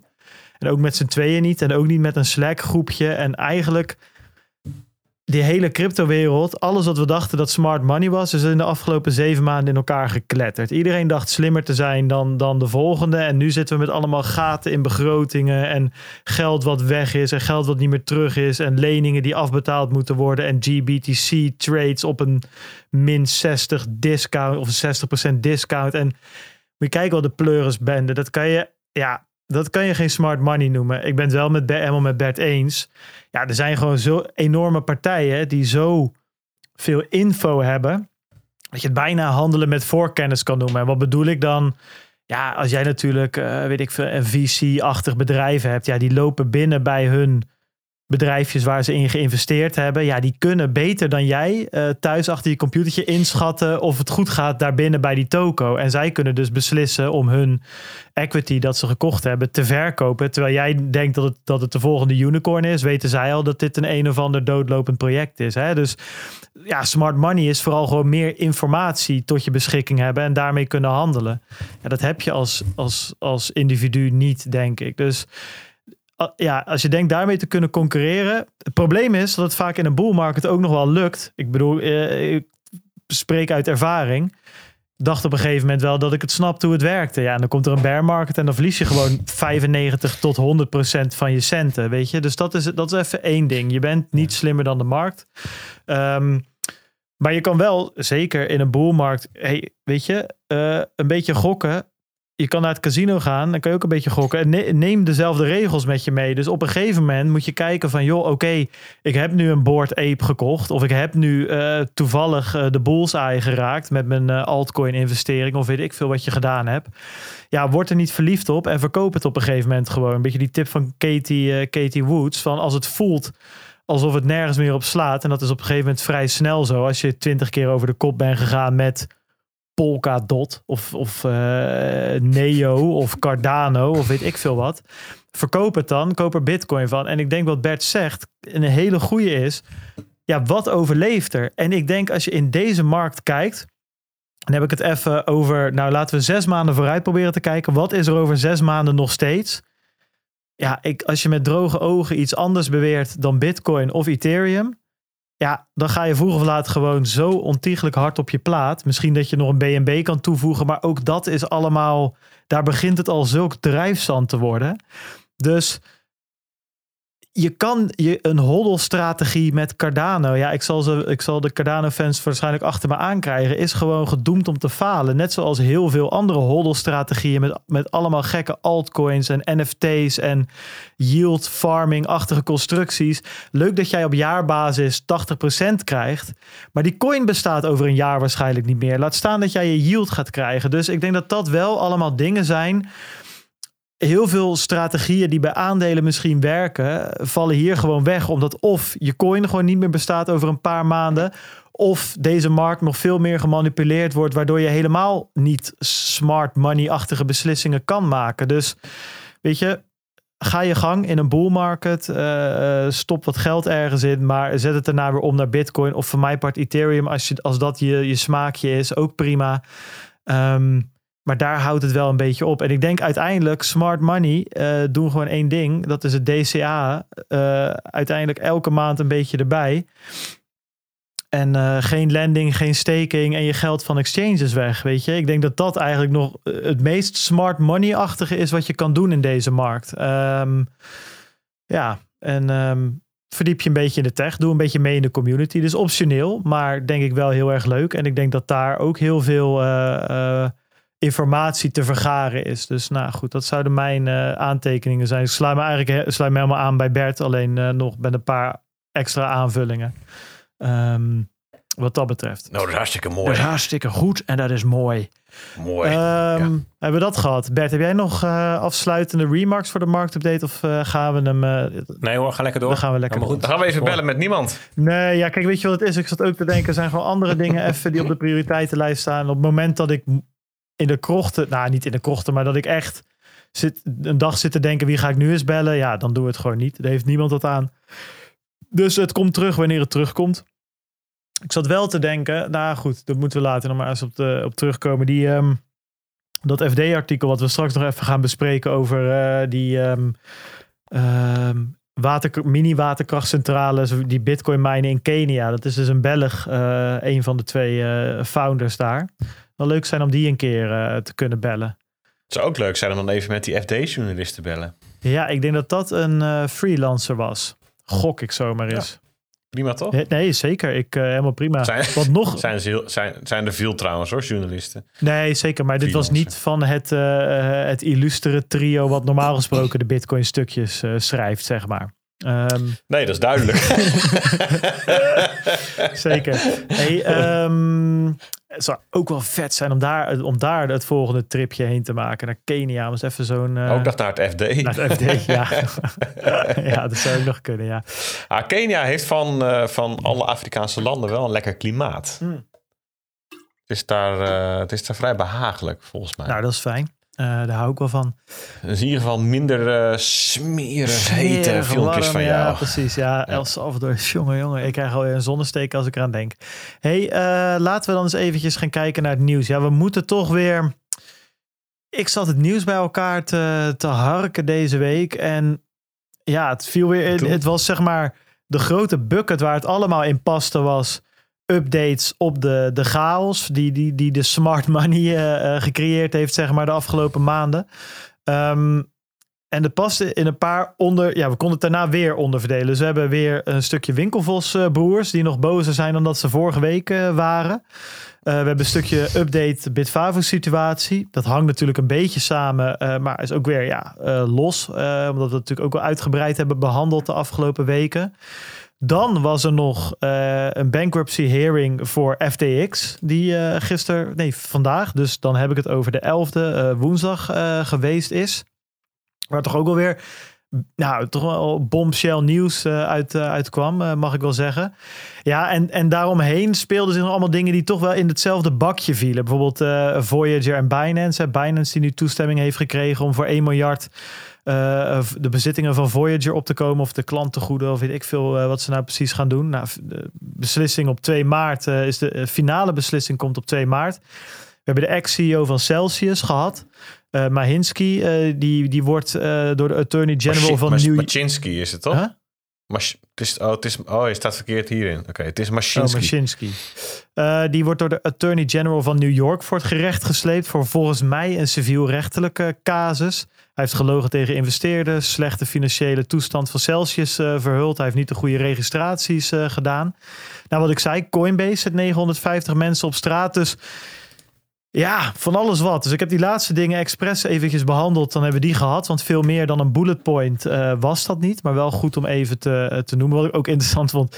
De drie AC-founders, die eh Suzu en eh Kyle Davies, die zijn blijkbaar zo slecht eh, te bereiken dat ehm, het bedrijf dat, dat, dat dat faillissement afwikkelt voor, voor Three Arrows Capital, dat die maar gewoon de dag, dagvaardingen op Twitter zet, omdat ze daar nog Die een slingeren het gewoon op internet. ja, omdat, ze daar, omdat die Kyle Davies en die Suzu daar het beste te, eh, te vinden zijn, te bereiken zijn. ja, goed, dat soort shit. Dan weet je inderdaad, dat zijn wel bear market signs.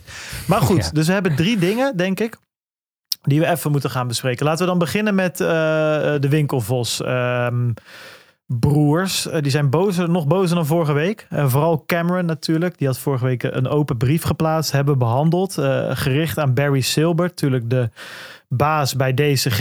Ehm, eh, en Genesis is weer een onderdeel van deze DCG. En Genesis had natuurlijk, eh, die moet geld terug gaan betalen aan eh, Gemini. En dat ging volgens mij om 900 miljoen of zo bij, eh, bij die knakkers. Iets in die, eh, die richting. Ja, klopt. Ehm, nou goed, dus eh, Barry ehm, eh, die had er toen ook weer op gereageerd. Eh, en nu is er weer een nieuwe brief van de Winkelvosbroers. Zal maar even bijpakken. Waren deze keer vier kantjes. Dan weet je wel hoe laat het is ten opzichte van de twee van vorige week. Ja, het komt er eigenlijk op neer dat ze gewoon ja, echt nog kwader, echt nog kwader dan vorige week. Ja, Ja. dat is wel wat het is. Ja, ja het, het, ja, god, wat moet je erover zeggen, jongens? Wat was... Nou, het- Nou, kijk, weet je, ja, ik, ik, precies. ik Ga heb hier. start. Ken, je- ken je het woord polemiek, ja. Ja, Bart? ja, dat betekent oorlog. Hè, ken je dat? Ja, Polemos. precies. Dat, dat komt van het woord pole, polemeo, geloof ik. openlijk gevoerde oorlog, is, Grieks. Een, precies, een openlijk gevoerde Oh, dit- pennenstrijd. dat beschrijft het wel goed die zich inderdaad. vaak afspeelt tussen va- vakgenoten. Nou, precies wat het is, ja. En polemieken komen voort uit conflicterende standpunten die opponenten betogen. Maar weet je wat het punt is met polemieken? Het is zo sneu voor de buitenwereld. Het is zo kinderachtig. Weet je, je gaat allebei met je vieze was staan wapperen. Echt boxershorts met, met vieze remsporen erin. En de hele wereld moet maar meekijken en ruiken naar wat er aan de waslijn hangt. Weet je, dat is Wat er over wat de er gaande schutting gesmeten wordt. Tussen, Ja, tussen Gemini en DCG. Barry Silbert en, en eh, Cameron Winkelvos en vieze onderbroeken wapperen in ons gezicht. En wij moeten ernaar kijken. Dat moet ook, want het is gewoon ja, anders dan anders. Niet te negeren ruis. Het is namelijk gewoon sectorrelevante ruis. Omdat het... Het, in, in potenties is, is dit een van de laatste grote dominostenen, zeg maar, die, die om kan vallen. Weet je, en als dat gebeurt, ja, dan kan dus daar de hele cryptomarkt weer iets van voelen. En dan is het nuttig dat je daarop voorbereid bent, dat je weet wat de context is, wat er zich afspeelt. Het meeste ruis kun je negeren. We hoeven niet naar alle vieze onderbroeken te kijken. Maar helaas, de, en, en, en die wordt dan ook gewoon echt recht in je neus gedrukt. Hè? Je komt daar niet omheen op, op Twitter ook. Dus het is, Ik moet zeggen dat jouw fixatie op vieze onderbroeken in gezichten drukken vanavond wel echt eh, groter Ja, dan normaal dat- dat- is, zeg maar. Moet je nagaan, hè? Dat, ja, ja, zo begon de show ook. Maar goed, laten we daar maar niet op ingaan.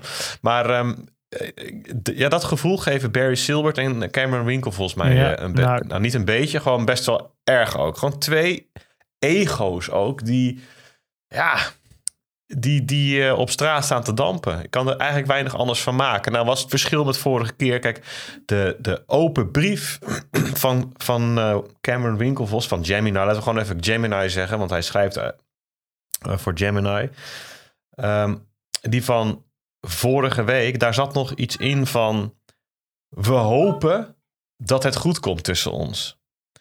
We willen dat Barry Silbert, we willen dat eh, de Digital Currency Group in beweging komt.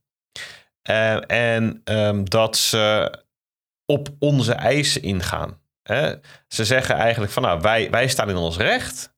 Wij he- hebben geld uitgeleend, dat willen we terug. Jullie kunnen dat betalen. Eh, wij als crediteuren, wij, Gemini, nou ook Bitfavo, en er zijn Nog één andere partij in meer dat groepje volgens in de groep. Ehm, betaal ons gewoon terug. Dan is, dan is het allemaal opgelost. Is er eh, geen, geen veldje meer aan de lucht. Nou, eh, dus dat was oké. het was een scherpe brief, maar dat was het idee. Van, nou, hi- hier is nog. Dit is nog te helen, zeg maar.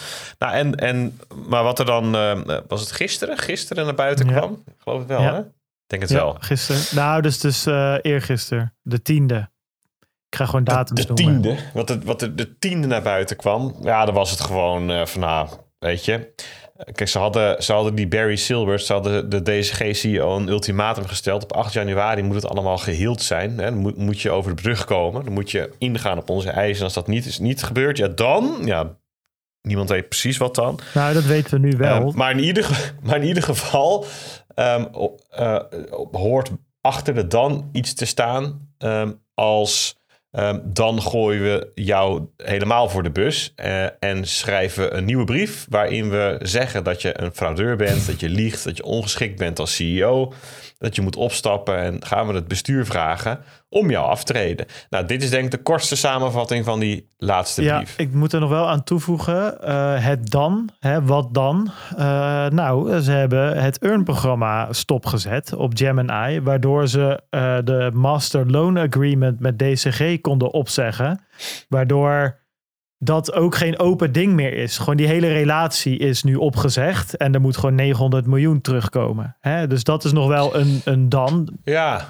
en, en, en daar, dan kan je gaan speculeren. Hè? Misschien is dat een opstapje naar eh faillissement van Genesis. Er is dat die Chapter 11 ingeduwd wordt. Eh, en wat ik zeg, hè, dat, dat is speculeren, want dat weten we dus niet. Nou, Ja, maar dat en, ehm, wel. Die, die, die, dat is iets. Ja, dat ja, ja, wel. Dat, dat, Earn is, dat Earn is gestopt, maar Earn is van Gemini. Eh, En Genesis wordt eh, Chapter 11 ingeduwd. Alleen dat weet, dat, dat, dat is speculeren. We weten niet of Genesis failliet gaat, ja of nee. En want we moeten in ons achterhoofd houden dat dit nog steeds onderdeel kan zijn van de onderhandeling. Dus dus dat dit, dit de, de, de, de, de openlijk de, de, de strijd voor de schermen en de strijd achter de schermen. Dus je, we hebben gewoon niet het hele Wat verhaal. wel interessant is hier nog in die brief dat ze het dus ook echt hebben over ac- accounting fraud. Hè? Ze nemen echt het woord fraud in de mond. Dat is best wel, dat zijn geen en- halve aantijgingen meer, zeg Nee, maar. maar reken, reken erop, Bart, dat deze brief dat die echt wel bekeken is door een team van juristen. Hè? Nee, Dit sturen precies. ze niet zomaar even van eh, tussen de thee en de koffie hebben we even wat getypt. Ik bedoel, dit, als je dit opschrijft, dan... eh, Ja, als dit niet dan- klopt, dan is het gewoon smaad of laster of ergens iets in die hoek, zeg maar. Dus ze moeten wel echt een soort van bewijsstukken of, of aanwijzingen hebben gewoon gelekt of whatever, waardoor ze dit durven te zeggen. Maar ja, dit is dus wel weer grappig, want dan heb je dus die, eh, die gasten van eh, of DCG, die reageert dus weer. Ja, het is inderdaad, eh, het is wel... Ja, eh, en polemiek is geen polemiek als het niet van twee nee, kanten ja, nee, we hebben wordt. natuurlijk hè? Barry Silbert en Cameron, dat, eh, dat, eh, maar dan heb je nog DCG als bedrijf wat zich gaat mengen. Die zeggen weer, this is another desperate and unconstructive publicity stunt from Cameron Winklevoss to deflect blame from himself and Gemini, who are solely responsible for operating Gemini Earn and marketing the program to its customers. Ja, hey, is- ja, zit natuurlijk ook wel wat in. Dat zeiden we vorige week, eh, hebben dat ook al gezegd. Van ja, Cameron Winklevoss die kwam met een heel zielig verhaal van alle brandweermannen en leraren die Gemini Earn hadden. Ja, goed, misschien had je ze ook iets beter kunnen informeren wat er met hun geld gebeurde, zeg maar. Of iets beter eh, eh, kunnen vetten bij welke eh, partijen je het geld uit ging lenen, weet je wel. Het is nou niet alsof je zelf al geen blaam treft. Maar goed, dat hebben we vorige week besproken. Ik vond het wel interessant dat DCG ermee kwam. Toen kwam Barry Silbert weer op Twitter en ook op de website van DCG heeft hij een, een, een, een shareholder Ja, niet eens, letter. hè? Dus, dus, dus zijn laatste, ehm, eh, zijn, zijn laatste handeling, zijn laatste brief, die heeft gewoon een eigen domeinnaam gekregen. hè? DCGupdate.com. Oh, mooi.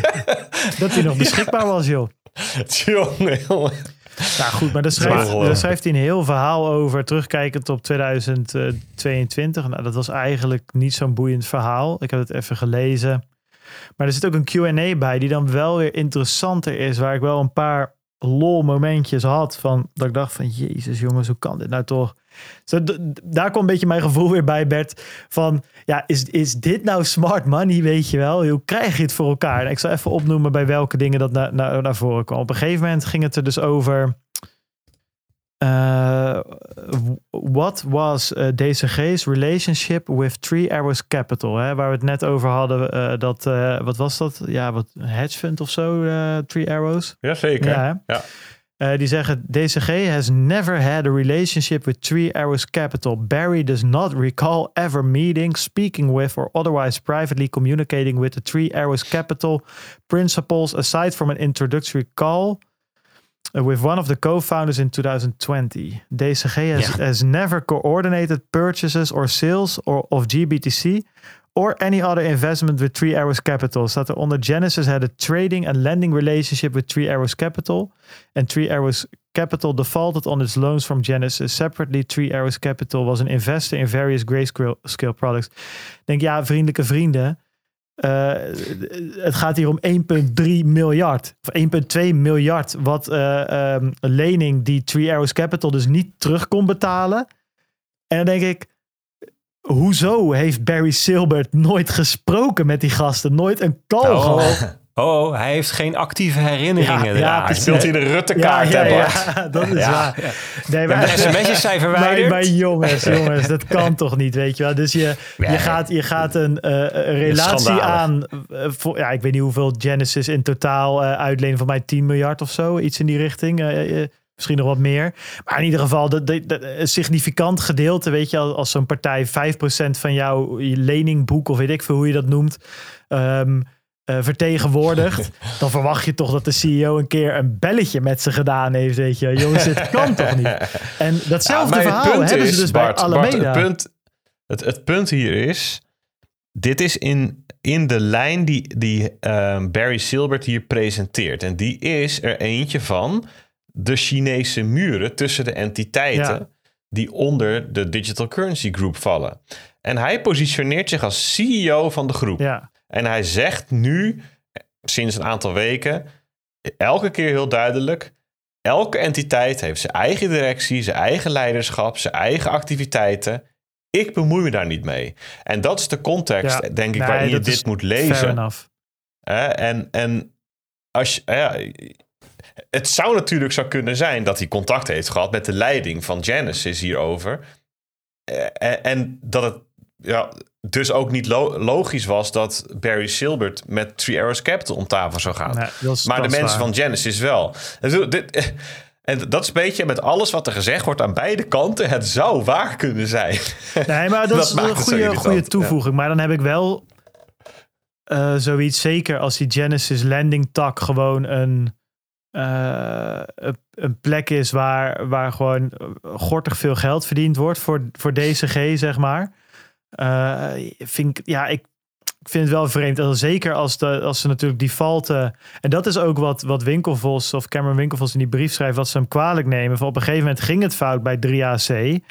En toen had je eh, de kans om er wat aan te doen met die 1,2 miljard, zeg maar, die, die, tekort, die Ja. ze tekort kwamen. Dat heb je niet gedaan, zeg maar. Ze schetsen daar een aantal dingen die hij had kunnen doen. En hij heeft zijn kop in het zand gestoken, zeggen zij, waardoor die situatie later weer helemaal geëscaleerd is. Nou goed, in die eh, Q&A staan nog wat andere dingen. Dus ze hebben, ja, voor, eh, voor een beetje een lastig verhaal, maar ze hebben dus op het moment dat 3AC die 1,2 miljard niet terug kon betalen aan Genesis, heeft DCG eigenlijk die eh, verplichting overgenomen en daarmee ook het risico overgenomen. Dus dat hebben ze weggehaald bij, bij, bij, bij Genesis. Eh, en nu zeggen ze ook nog in die Q&A dat er dus dat DCG ook nog meer geld geleend heeft, namelijk 450, pak een beetje 450 miljoen in dollars en nog 80 of nou 4500 bitcoins, ook nog 80 miljoen. Dus ook nog een kleine 500 miljoen die ze terug moeten betalen aan Genesis. Nou goed, Ja. ja. ja. Dus Kijk, dat. Ik denk hè, dat ehm, Genesis, nee, Gemini, dus de Winkelvai, hè, de Winkelvos broertjes, Cameron en ehm, Tyler, Die, oh. toch? Ja, voor mij wel. Ik wou zeggen maar- Nee, Cameron en Tyler, dat die... ehm, kijk, die aan het eind van hun brief... eh, Kijk, de, he- he- de brief, de apotheose van hun brief is dat... ehm, eh, Barry Silbert uit zijn functie moet worden ontheven. Er moet een andere CEO komen, want de leiding is niet veilig in zijn handen. En reken erop dat als zo'n brief eh, wordt geschreven en zo publiek wordt gemaakt, dat de, raad van bestuur daar het, het, het erover gaat hebben. Die, die kunnen dit niet negeren. Ze moeten het besproken hebben. Anders dan hebben zij ook, zijn er ook juridische consequenties voor goed bestuur. Dus dit, hier gaan ze over praten. En ik denk dat ehm, de Winkelvai, dat die echt wel geloven dat het geld er is. Alleen het Barry Silbert ze aan het lijntje houdt. Dat denk ik. Dat zij dat, dat hun eh, dat dat hen drijft. Dat ze, dat ze, en datzelfde, diezelfde klacht, die hoor je vanuit de, de Grayscale-wereld. Hè? Dat is, de Grayscale is een zusje van Genesis, ook een dochter van DCG. ehm, waar ehm, eh, de Grayscale aandelen met, nou ja, 40% discount op de, de, de, de, de onderliggende waarde ehm, eh, verhandeld worden. En dat, dat hoeft helemaal niet volgens heel veel mensen. Zeggen, joh, dat is helemaal niet nodig. Dat is gewoon eh, dat is het gevolg van mismanagement van Barry Silbert. Omdat hij iedereen aan het lijntje houdt. Want hij, hij, hij, hij zegt dan, ja, ik doe echt mijn stinkende best. Ik doe al een hele tijd mijn best om er een ETF van te maken. En dat lukt maar niet. Het ligt aan Gary Gensler van de SEC. Maar iedereen zegt, joh, je doet, je doet niet goed genoeg je best. Want er zijn ook allerlei andere opties en die kan je best verkennen.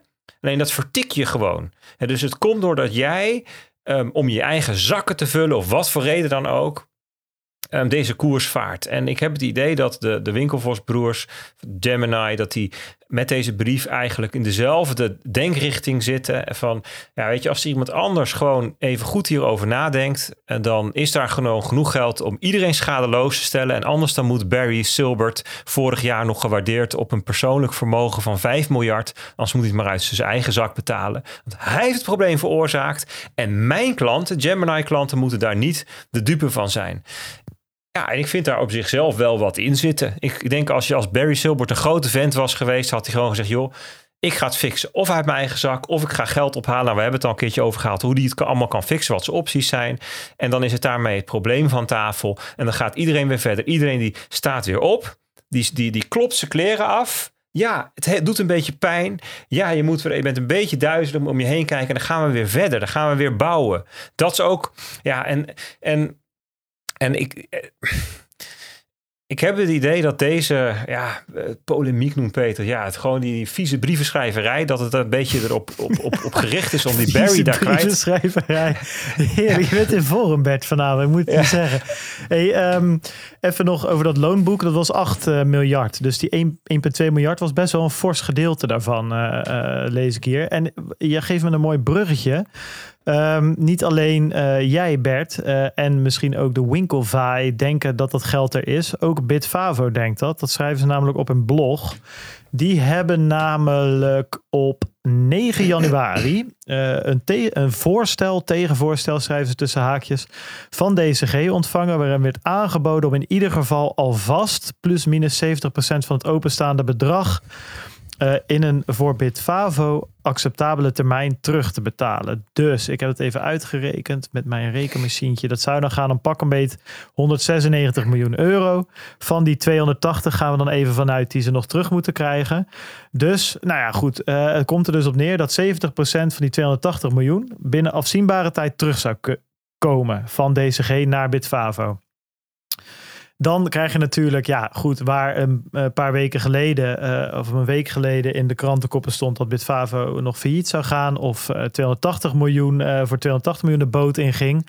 Wat natuurlijk ook op dat moment, ja, kan, kan nog steeds. Hè? Ik bedoel, we moeten nog maar zien. Ik zou pas echt, echt de, de vlag uit, uithangen als, als dat geld op de rekening staat. Van Bitfavo dan, in dit geval. Beetje gek als het op mijn rekening staat. Zou wel leuk zijn, maar Dan, goed. dan gaat er ook een vlag uit trouwens. Ja, ja. Stuur ik er 195 door en dan eh, die ene die eh, transactiekosten doen we dat. Hey, ehm, over het resterende bedrag, die 84 miljoen, dat la laten ze vandaag dus ook in RTL Z en in het FD en weet ik het allemaal. Ja, daar is dus nog discussie over. En de discussie die daarover gevoerd wordt, gaat over de termijn waarin dat terugbetaald wordt. Eh Bitfavo vindt de termijn die DCG nu heeft eh, gesteld geen niet acceptabel.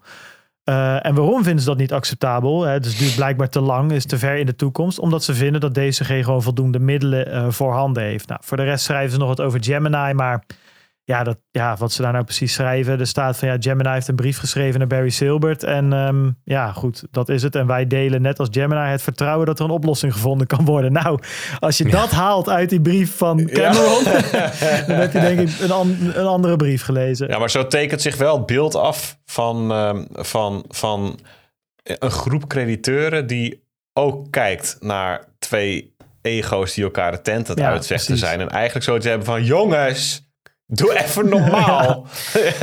Laten we het even fixen alsjeblieft. Kijk, er zijn, Ja, er, zijn, dus, er zijn eh, heel veel mensen op Twitter ook die het commentaar hebben geleverd van ik snap niet dat Barry Silbert niet gewoon een deal maakt met die crediteuren. Ook als het, een als het hem niet zo lekker uitkomt. Want weet je wat veel duurder is? Een Chapter 11 procedure waarin er weer allerlei hele dure juristen en curators en teams opgezet worden om dan de hele shit weer te... Ja, weet je, dan als je, weet je, die, die assets die zijn dan wel erg zo en dat, er komt dan wel wat uit en dat, eh, dat, dat is voor iedereen slechter. Dus dat, dat, dat vond ik ook wel terecht. Van ja, het is ook, ik- dat, dat vind ik persoonlijk vreemd. Waarom, waarom Barry Silbert niet denkt, joh, ja, laten we deze drol nou maar doorslikken en dan gaan, kunnen we verder met ons leven. Oh, jullie vanavond, jongen, met je drollen en Heerlijk. eh, eh, onderbroeken. Mooi, ik mark nog even een clipje. Drollen, Hupsa. doorslikken. Waar, waar hebben deze gasten het over? Joh? Nou goed, laten we dan snel doorgaan naar eh, de FT, FTX. Over drollen gesproken. Bankruptcy hearing. Ja, nou ja, inderdaad. Ja, nee. Ja, het is een beetje, jongens. ehm, en lui- lieve, lieve luisteraars, jullie moeten ons het ook een beetje vergeven. Het is soms echt eh, dat je door de bossen het bos niet meer ziet, zeg maar. Want het is echt niet eens bomen meer. Het zijn gewoon bos. Het is een soort regenwoud bijna. Ja, maar er zijn natuurlijk zoveel hearings en zoveel verschillende zaken die zich naast elkaar afspelen en zoveel verschillende. Ehm, nou, je hebt aan, aan de ene kant allemaal rechtszaken. Je hebt aan de andere kant natuurlijk die, die wat we de vorige keer hadden in het congres, dat er ook op, opeens weer dingen eh, besproken worden. En dat is dan geen rechtszaak, maar goed, dat, is, ja, dat lijkt er bijna op. Hè. Het is net zo officieel en het is ook allemaal under oath en weet ik het allemaal. En ja, het loopt er allemaal een beetje door elkaar heen. en dan, die politici hadden dan wel opeens weer als allereerste de aanklachten uit allemaal rechtszaken in hun handen. Dus ja, het is soms heel moeilijk uit elkaar te halen van wat is nou wat. Maar we hebben nu dus ehm, natuurlijk die strafzaak tegen SBF en zijn matties, uh, Caroline en uh, hoe heet die andere ook alweer? Michael volgens mij, Michael... Ja, die, die, co-founder. Die Wang, Gary, bedoel je? Gary Wang, ja, ja, ja, dat was het inderdaad. Uh, dat schijnt zich nou ergens in oktober 2023 af te moeten gaan spelen, las ik in een artikel. Nou, dat gaan we zien. Uh, er is nu ook natuurlijk gewoon uh, het hele uh, faillissement van FTX moet ook afgehandeld worden. Daar is natuurlijk die John Ray mee bezig, die Chapter 11, waar FTX dus wel in zit, hè, dat weten we. Um, en daar is nu een hearing geweest, een eerste onderdeel van die rechtszaak. Uh, van tevoren kwam al een lijst met crediteuren naar buiten of mensen die uh, aandelen hadden in, uh, in FTX. Nou, dat is allemaal hartstikke leuk, want er staan natuurlijk Tom Brady en Giselle Bündchen, weet ik veel, al die bekende Amerikanen die in die reclamespotjes hebben gespeeld. Die staan erop. Stik voorzichtig. Ja, ik heb even soms eventjes, ja, als je te veel dan weer, moet het stokje weer aan Bert geven, denk ik. dan kan ik weer even rustig ademhalen. Nee, maar ik ga, dat ga ik ook doen, want er toen ik de show notes schreef, was die hearing bezig. En toen ik net nog even ernaar keek, was er toch weer wat binnengekomen. En Bert zei dat ook al in de, Hoe was de Week eventjes. Van joh, er was iets met 5 miljard dollar in assets. En wat blijkt nu? Um, ja, van al die assets, hè, dus alle dollars, aandelen, cryptocurrencies en whatever die verloren zijn bij FTX. Ja, die John Ray die is nu uh, bezig om die weer terug te vinden eigenlijk. Uh, allemaal verloren wallets, verloren bankrekeningen, ja. verloren... Die, die, die, zit, die, die trekt alle kastjes open om nog eens te kijken of er wat ledgers uh, in liggen. Of wat andere hardware wallets. En kwam dus naar buiten 5 miljard dollar in cash en andere liquide middelen, wordt er gezegd, uh, is teruggevonden. En Bert, jij bent daar ingedoken, dus ik ben wel benieuwd wat, wat daarover te vertellen is. Ja, het is echt een verhaal weer dit, jongen. Dat is echt niet normaal. Kijk, die John Ray, we, hebben, we herinneren ons nog allemaal wel eens, moet je maar eens even terugluisteren. Dat was, um, ik denk, half, half november, toen die John Ray werd aangesteld als CEO van FTX. Hè? Want zo wordt het dan gepresenteerd. De, de, de juristen van FTX komen naar buiten met, maar dan moet je dus altijd je achterhoofd hebben. Ja, dat is het team wat, wat John Ray meenam. Hè? Die ging daar, die kreeg de sleutels van het bedrijf eigenlijk. Um, alle mensen die ja, besmet waren of mogelijk bij de fraude betrokken waren, zijn er allemaal uitgehaald. Toegang ontzegd, mogen niet meer naar binnen. En de sleutels werden aan John Ray gegeven. John Ray, ja, dat is een tijger in dit soort zaken. Die heeft Enron gedaan. Nou ja, en die ging er doorheen en die kwam met een, met een uh, um, soort, soort eerste verklaring na een week. Joh. Nee, dus ja, zei veel. Ja ongekend wat ik hier tegenkom. Nog nooit meegemaakt. Zo'n ongelofelijke puinzooi. En toen... Daar is hij trouwens wel weer op teruggekomen in die... Um, toen hij bij het congres zat. Want toen werd die quote natuurlijk... hij dacht, shit, dat had ik toch even beter anders kunnen zeggen. Het werd telkens gezegd van... Jij, klopt het dat je nog nooit zoiets ergens... En toen kwam hij elke keer van, nou... Nou, heb... Nog nooit zo'n complete afwezige boekhouding, ja, zeg maar. Ja. Daar, daar ging hij toen een beetje naartoe van... ja, dat, dat, okay. dat heb ik nog nooit gezien. Maar Enron was ook heel erg, zei dus, uh... ja, ja, ja, nou ja, goed. Prima. Leuk dat hij, anyway, le ja. leuk dat hij ook, ook politiek correct kan zijn. Er was ruimte voor verbetering. Ja, ja maar... hij is CEO inmiddels natuurlijk. Hè? Dus ja, dan heb je ook wel iets te verliezen. Ja, maar, nou, ja, is wel zo. Maar in die eerste uh, week toen was zijn verwachting... en overigens ook die van ons... Hè, op basis van die balance, die balans... die toen gepubliceerd was, dat er ja, zo'n miljard aan liquide bezittingen zou zijn. En er was wel veel meer nog aan illiquide bezittingen. En bij liquide gaat het erom dat je het kunt verkopen zonder dat, heel veel, um, aan, zonder dat je heel veel uh, verlies moet nemen. Ja, dus dat je het eigenlijk uh, tegen de boekwaarde daadwerkelijk kunt liquideren, kunt verkopen, zodat je de crediteuren hun geld kunt teruggeven in euro's en dollars of in bitcoins, hoe het dan ook uh, gaat. Um, en, en dus 1 miljard was er. Dus dat, en, en, en de verwachting van velen was dat er misschien wel 8 of 9 of 10 miljard aan vorderingen was. Hè? Dus mensen die nog ja. iets te goed hadden. Hè? Dus klanten die dan een saldo hadden bijvoorbeeld. En dat getal hebben wij dan weer verzonnen, um, omdat uh, dat het het tekort was, hè, dat was die speciale cash-rekening van Alameda, dat er 8, ja, 8 miljard zoek ja, was. Zeg van, nou, dan zal dat wel ongeveer een beetje die orde groot zitten. Kijk, we weten dat dus niet precies, hè, hoeveel er nog schuldig is. Um, in die hearing is die ook gezegd, we hebben nu 9 miljoen klanten geïdentificeerd. Maar hoeveel we precies aan ze schuldig zijn, dat weten we nog niet. En, en tijdens de, het filen van die Chapter 11 heeft hij het, het vakje aangevinkt van tussen de 1 en de 10 miljard. En dus dat is, de, dat is dan de bandbreedte. Ehm, maar ja, goed, laten we zeggen dat het 10 miljard is. Uh, even als, als startpunt. Ehm, en dat was e- dus 1 miljard. En nu, dus die, die John Ray is aan de slag gegaan met zijn leger van juristen en forensisch onderzoekers en beveiligingsexperts. En die is inderdaad overal gaan kijken. Je moet je voorstellen dat FTX, dat is, we hebben het altijd over FTX alsof het één ding is, maar dat is eigenlijk een boomstructuur met meer dan 100 entiteiten. Die op allerlei plekken in de wereld gevestigd zijn. Allerlei jurisdicties en onder allerlei toezichthouders vallen. En ongetwijfeld ook allerlei administraties en weet ik wat ja, hebben. Er stond nog een goed, um, uh, goed artikel. Dat vond ik dus ook wel weer interessant. Uh, voorpagina Economist al de hele dag. Uh, daar zeggen ze counting investors and depositors. FTX has over a million creditors, making it by this measure the ugliest corporate carcass ever seen. Uh, the empire's implosion has left 134 insolvent entities in 27 jurisdictions. They range from FTX Zuma, an exchange in rural Nigeria, to Good Luck Games, an online card game developer. The proceedings could take a decade and may turn up more allegation of wrongdoing.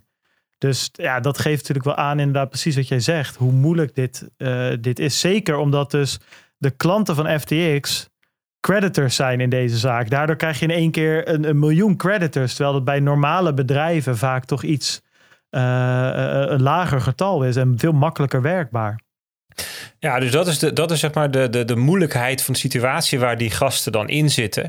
En waar ze dus in moeten gaan zoeken. Ja, dat duurt dan even. Hè, want we zijn nu natuurlijk... Uh, ja, twee maanden verder. Hè? En, um, wat, en wat weten ze dan inmiddels, intussen? nou ja, hebben dus allerlei plekken hebben ze blijkbaar activa gevonden. Want ze hebben dus nu 5 miljard aan liquide bezittingen. Dus dan noemen ze expliciet cash, liquide crypto-activa en andere liquide investeringen. Dat zou bijvoorbeeld aandelen voor kunnen zijn. bijvoorbeeld aandelen Robinhood hadden we het toen over. Ja, ben benieuwd of die 500 die geseized zijn, of die nou binnen dit potje vallen. Dat lijkt me wel. Geen idee, zou maar... goed kunnen, ja. Dus, en we zouden ook nog allerlei illiquide bezittingen gevonden, maar die noemen ze gewoon niet, want zeg ja, die kunnen we toch niet tegen marktprijs verkopen. Ja. Um, dus dat is, en dat vind ik best wel snel. Want er zijn natuurlijk, ze hebben natuurlijk allerlei vastgoed gekocht op de, op de Bahama's. En ze hebben mensen betaald en gesponsord en ge, omgekocht. Of hoe zeg je dat? Uh, um, um, gelobbyd. gelobbyd. Het, het, kan zijn dat ze daar nog dingen gaan clawbacken, gaan terughalen. Dus um, ja, als het nu al 5 miljard is, dan is het best ook mogelijk dat misschien wel 5,5 of 6 of 7, wie zal het zeggen, wordt. Zeker als het worst case scenario 10 miljard is, dan zit je op 50 procent.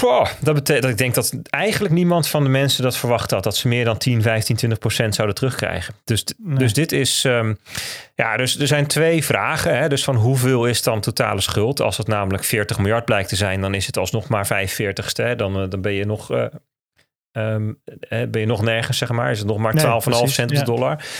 Um, uh, en, en, en, en, en, en, dat heeft, en dan is ook nog de vraag van wat is dan precies de volgorde waarin partijen hun geld krijgen. Dus wie krijgt er, als er een pot is, wie krijgt er dan eerst, wie daarna en wie daarna? En het kan zijn, ook afhankelijk van de voorwaarden en structurering, dat bepaalde schuldeisers voorrang krijgen, of misschien zelfs aandeelhouders, wie zal het zeggen? Ik geloof dat dat bij Celsius een van de problemen was, dat de accountholders helemaal achteraan kwamen. Dus dat zijn allemaal vragen waar we nog het antwoord niet op hebben. Ja, maar, en een van de problemen was dat um, dat als jij aan Earn meedeed, dat jouw geld uh, van Celsius is. Ja, klopt. Ja, maar misschien staat het bij FTX er ook wel in. Wie zal het zeggen? Dus dat, ehm, dat weet ik nou, niet. Dat, nou, nee, het interessante is weer dus... Uh, één rechter heeft gezegd van als je mee aan Earn uh, doet... of aan Earn uitleenprogramma's... dan is het geld dus van de, van de estate, heet dat dan. Dus van het bedrijf van de boedel, in dit geval. Ja, ja maar uh, ze, een andere rechter had daarvoor al gezegd: als jij je geld daar gewoon hebt neer hebt gezet, in, in custody, dus gewoon één op één aanhouden, dan is het wel weer jouw geld. En dat moesten ze ook betalen. Okay. Dus interessant. We gaan het zien. Nou ja, goed. Weet je, de laatste, laatste vraag is dan die ik nog heb. Hè, om dan, dan komen we even een klein beetje in het um, show, een beetje shownieuws gehalte. Maar weet je, die 5 miljard, hè? Ja, is dat dan puur dat ze ergens nog bankrekeningen vonden?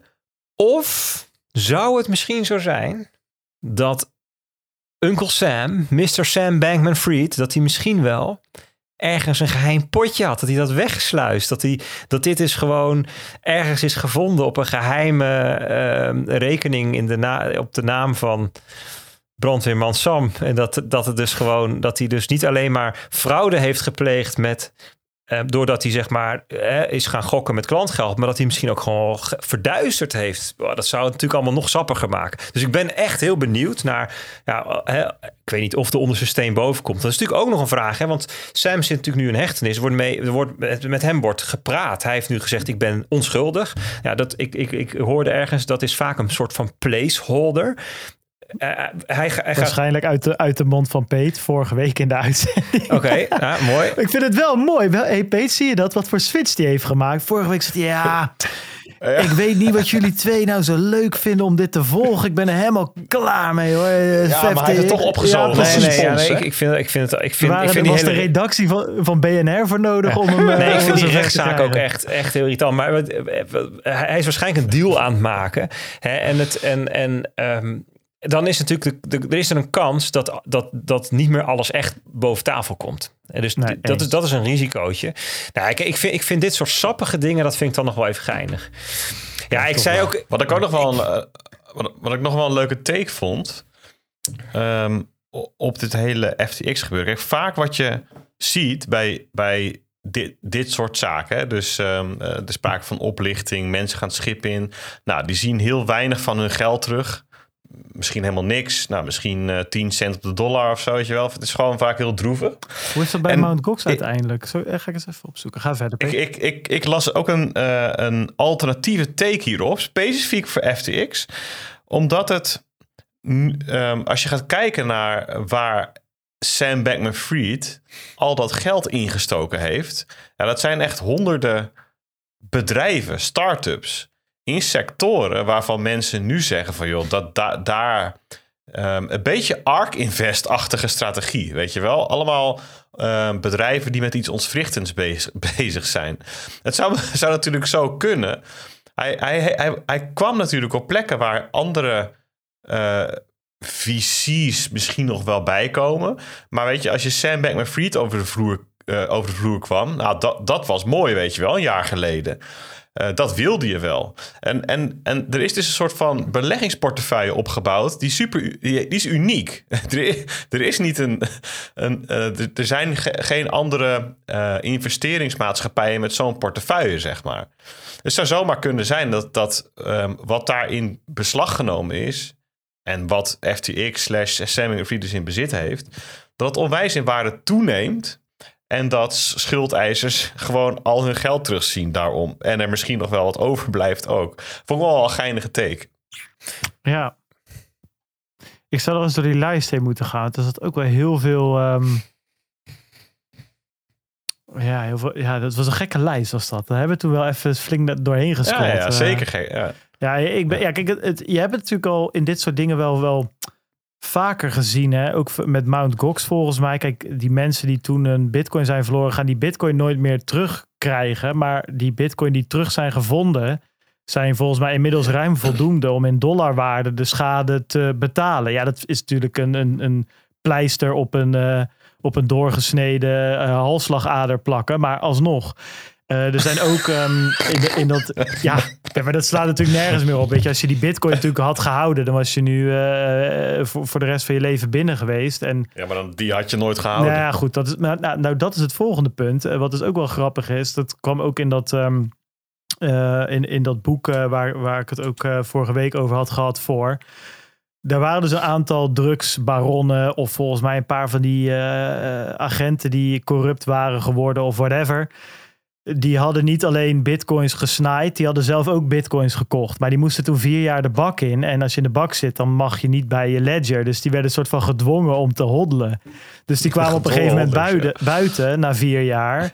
En ja, set for life. Want ja, natuurlijk die bitcoins die ze een soort van gejat hadden van... eh, volgens mij was dat toen... eh, waar, ging dat over? Dat was DPR, dus dat was eh, Silk Road. Ja, die, die waren ze kwijt natuurlijk. Maar de bitcoins die ze zelf hadden gekocht, gewoon van hun eigen geld, mochten ze houden. Ja, dat waren er vaak ook gewoon honderd of zo, weet je wel. Dus die lachten zich al- alsnog kapot toen ze eh, vrijkwamen. En dat kan natuurlijk hier ook gebeuren. Dat je zo'n portefeuille hebt en in de tijd dat zo'n zaak maar door-appt en door-appt. Ja, als er natuurlijk de, vo- de volgende Amazon tussen zit. Ja, nou, eh, dan zit je goed. Godsamme, jongen. Nou, zeker. Ehm, Zullen we van, ehm, eh, van onze krullenbol gewoon eens naar eh, Kenia Ja. gaan? Want Ja, daar had je ook nog eh, wat over. nou, Gewoon, ja. om Daar even, even met, met wat mooie R&D en, en iets, iets, ja, iets, iets toffers wat mij betreft af te Nou, sluiten. zeker. Kijk, deze stond al ooit eens in de show notes. Ehm, we hebben toen ja, niet behandeld. Er was namelijk op een gegeven moment, volgens mij in november of zo, in december, eh, is het op Twitter best wel rondgegaan. Er waren allemaal videootjes van, eh, ja, eh, oké, ik zal het beschrijven. Video's, soort van uit Kenia of een Afrikaans land. Hele donkere bruine grond. En ja, nee, maar serieus, je moet die video's eens kijken. En heel erg groen gras, zeg maar. En een mooi beekje daartussendoor. Ehm en er stonden allemaal blauwe en witte containers om dat beekje heen. En een soort van, ja, zo'n slang die je wel eens ziet als je eh, van drie hoog in de stad puin naar beneden moet gooien in zo'n container. Dan heb je toch zo'n zo'n redelijk dunne ronde slang met een denk ik diameter van, nou weet ik veel, 80 centimeter. Nou, zoiets hadden ze daar ook. En daar stond dan bij, in één zo'n containertje, die zat vol met bitcoin miners. En het hele idee daarvan was dan dat, dat daar een, een mini waterkrachtcentrale eh, zat. En wat is nou het verschil tussen een mini en een mega waterkrachtcentrale? Nou, een mega waterkrachtcentrale is meestal een stuwdam of iets in die richting. En die dingen zijn best wel ontwrichtend voor ehm, het... Ja, ja, jullie zitten te kutten met elkaar. Nu weet ik wat... Be- Zit je weer ASCII art te versturen? Jongen, jongen. Ja, ik, we ik, ga, ik ga hem niet maken. Ja, precies. Daar dacht Bert aan. Ja, nou, het zal wel. Ja, heeft Bert zijn verhaal gedaan en dan gaat hij door mij heen zitten lachen. Dit onthoud ik hoor. Nee, maar ehm, nee, ik, ik, zal, ik zal even afmaken. Die waterkrachtcentrales zijn meestal nogal ontwrichtend voor eh, vogels, maar vooral vissen en weet ik het allemaal voor beesten die in en rond zo'n meer leven. Dus wat kunnen ze nou met zo'n microcentrale? Ja, daar leggen ze dus zo'n buis in de rivier. Dan gaat een gedeelte van het water door die buis heen en dat komt later weer terug in diezelfde rivier. Dus die rivier die blijft ook hetzelfde. Die verandert niet van baan omdat er opeens heel veel water bij of afgaat. En je kan dan, eh, dames en heren, eh, met, die met dat water wat daar langskomt, kan je dus een, een, een, een micro-waterkrachtcentrale neerzetten. Ik zit even door het artikel te scrollen om te ik krijg kijken. er echt i- i- in mijn hoofd zo- zo'n klein Lego-blokje. Ja, maar, Een maar veel meer dan dat is het niet. Ik zit even te kijken of ik kan, kan zien eh, hoeveel kilowattuur Nou ja, dat toch, ding wel- je was. moet toch wel serieus wel wat water langs laten stromen. Wil je een, een generator? eh, Nee, zeker. Kijk, het gaat hier over draaien. 533 kilowatt waterkrachtcentrale. Eh, Hm. 533 kilowatt. Dan ga ik eens even kijken. eh, windpark Krammer ga ik eens opzoeken. Ja. Dat is een groot windpark. Ben ik benieuwd hoeveel... Maar het, maar het Ja, gaat, goed, ga ik zo even Maar opzoeken. het punt was volgens mij dat, dat ehm, het, het stond ook in het financiële dagblad. Hè? Dat vond ik wel, dat vond dat verbaasde me dat ze hier, dat, dat het, dit is er doorheen geglipt blijkbaar. Iets positiefs Ja, over Bitcoin. inderdaad. Dus heeft iemand zitten slapen. Joost die zit nu met die andere gasten. Drommels, drommels, drommels. Telefoons te breken. Kranten worden teruggehaald voor de drukkerij, weet je wel. Dat soort dingen. Maar Die vervelende clown. Die gaan as we speak is er een eh, redactievergadering met de hoofdredacteur. Iedereen bij elkaar geroepen. Er staat geen gokken Ja. in. Gokspel. Het Nee, moet geen Andrea heeft dit geschreven. Andrea bubbel. Dijkstra. Ik denk dat Andrea Dijkstra morgen bij de McDonald's solliciteert hoor. Want die is. eh, maar goed, ze schreef. Misschien moeten wij dan een crowd, crowdfundje voor, voor haar of zo. Eh, ze, ze schreef in de inleiding van... ehm, zo kan sneller worden opgeschaald op een continent... waar 43% van de bevolking geen stroom heeft. Dus ik denk dat je zo'n 500 kilowatt... Hè, dus dat is, weet je, een beetje... al- al- hè, Als ik mijn oven aanzet, dan heb ik, gebruik ik 3 kilowatt of 2, 2 kilowatt. Hè. Dus 500 kilowatt is niet veel... maar je moet het wel plaatsen in de context van situaties... waar een dorp geen stroom heeft... En nu ineens wel stroom heeft. En er hoeven niet meteen dikke ovens en wasmachines op te worden aangesloten. Weet je, begin is gewoon met licht, Licht, en ja, koeling. Hè? Nee, maar goed, daar, kan, daar kan wel een dorpje op draaien. denk het ook wel. Nou, eventjes. ehm, Ik heb hier ehm, ze hebben het over dus een, een installatie van anderhalf miljoen voor 533 kilowatt. Uh, Zo'n waterkrachtscentrale. Ik heb net even uitgerekend. Uh, een flink windpark in uh, waar, waar prachtige goede overflakkee. Windpark Krammer. Dat is 102 megawatt. En dan hebben we het dus over 102.000 kilowatt. Dus dan kan je het even een beetje in perspectief zetten. Dus een flink windpark in Nederland is dan... 200 um, keer zo groot. ja, Precies. Ja, maar wat ja. kostte dat windpark? Misschien dat je dat is wel leuk om dat er dan even naast te leggen. Ja, Nog... daar veel zo'n zo molen dat, dat is voor mij al snel 20, 30 miljoen. En als er dan een stuk of uh, dat zou ik eens even op. Ja, dat is wel geinig. Dat is wel een gortige terugverdientijd trouwens voor zo'n water. Want het verschilletje is natuurlijk wel dat het water gewoon 24 uur per dag stroomt. En die, Zeker. En, dat, en die wind niet altijd waait. Dus dit is natuurlijk voor die mensen uh, wel een heel betrouwbare ja. vorm van stroom. Die, die ja. ik denk per kilowatt aan capaciteit heel goedkoop is. En voor hun heel erg veel stroom is. Hè? Want uh, uh, ja, weet je, wij redeneren vaak vanuit onze uh, westerse achterlijke hoeveelheid energiebehoeften. Maar ja, als je vanaf niks gaat, gaat starten, dan, dan is dit denk ik al een heleboel. Dus ik vind dit vet. Ik vind het echt super vet.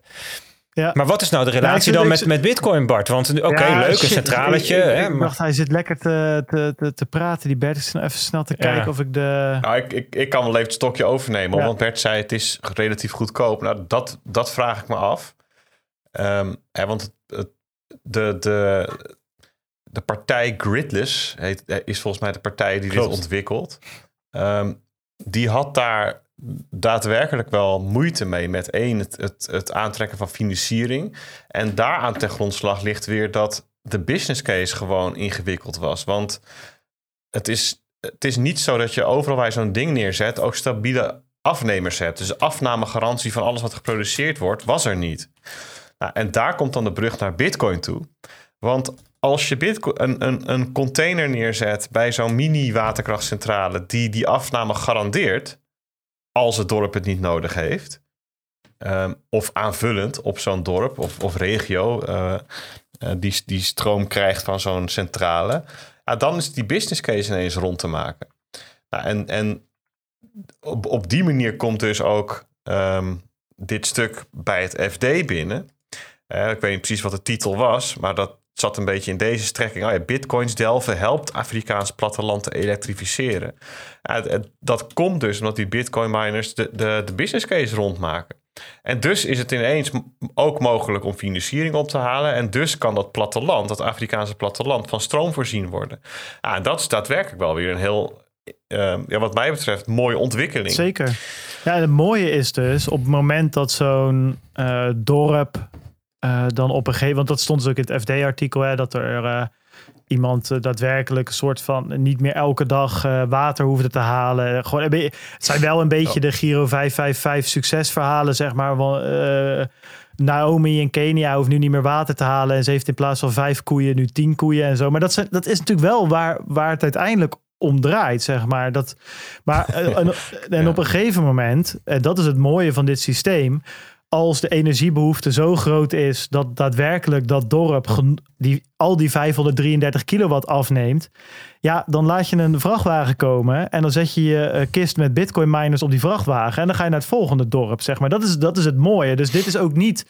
Het idee is volgens mij niet dat die bitcoin miners tot in het einde der tijden daar blijven staan, maar je kan op heel veel plekken precies wat Peet zegt, die business case opeens ronddraaien. Want dat staat ook in het FD-artikel dat ze uh, zo'n dorp, nou, dat, die nemen gewoon te weinig af om zo'n waterkrachtcentraletje. Ook al is de micro-waterkrachtcentrale nog veel te duur, anderhalf miljoen.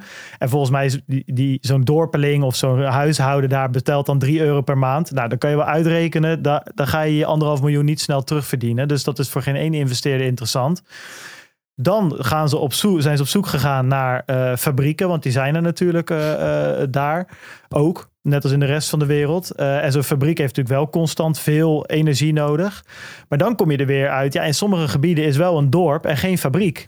Um, en wel water, wel een hele mooie rivier waar je zo'n waterkrachtcentrale neer kan zetten. Dus ja, dan is Bitcoin eigenlijk het enige ter wereld, wat wel gewoon constant die energie af wil nemen. En hoe meer, hoe beter. Uh, of in ieder geval, het maakt niet uit hoeveel. Je, je, kan heel makkelijk opschalen. Het enige wat je nodig hebt is internet en een, uh, en een kist met miners. Dus ja, supergoed artikel. Ik vond het best wel uh, ook wel. Het is helemaal niet Bitcoin-minded, maar gewoon een keer Nou, misschien is het supergoed omdat het gewoon een keer lekker neutraal was, weet je. Geen steken onder water, geen gekke insinuaties, maar gewoon ehm, verslag van eh, de plek waar zoiets gebeurt. Ja. Nou, ik vond het heel gaaf. Maar er, zit- er zit- er zit natuurlijk een bepaalde ehm, ehm, optimistische boodschap in. Namelijk, kijk, die, die 43% van het continent wat niet geëlektrificeerd is, die is dat.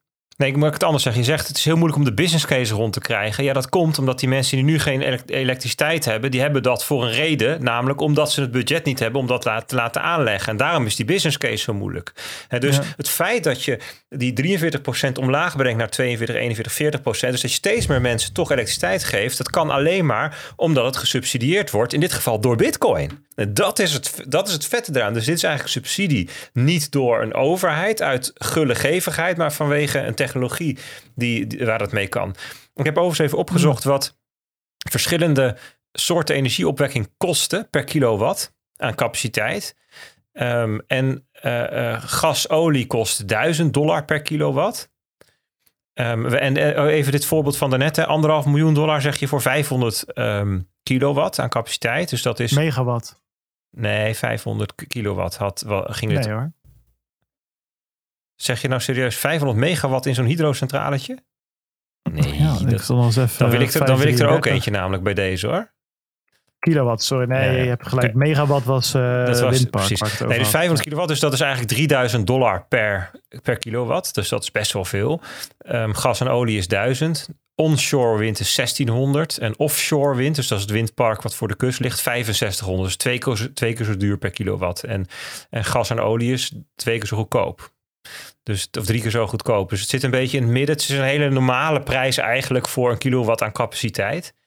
Wat dit eh, project Maar doet. het interessante is dus dat ze in Afrika dus schijnbaar heel veel ehm, zon en ehm, eh, wat heb je nou, windenergie aan het doen zijn. Maar dat dit natuurlijk, ja, zeg maar, waterkracht en bitcoin mining zijn natuurlijk voor elkaar gemaakt. In de zin van, eh, aan de ene kant is het groene energie.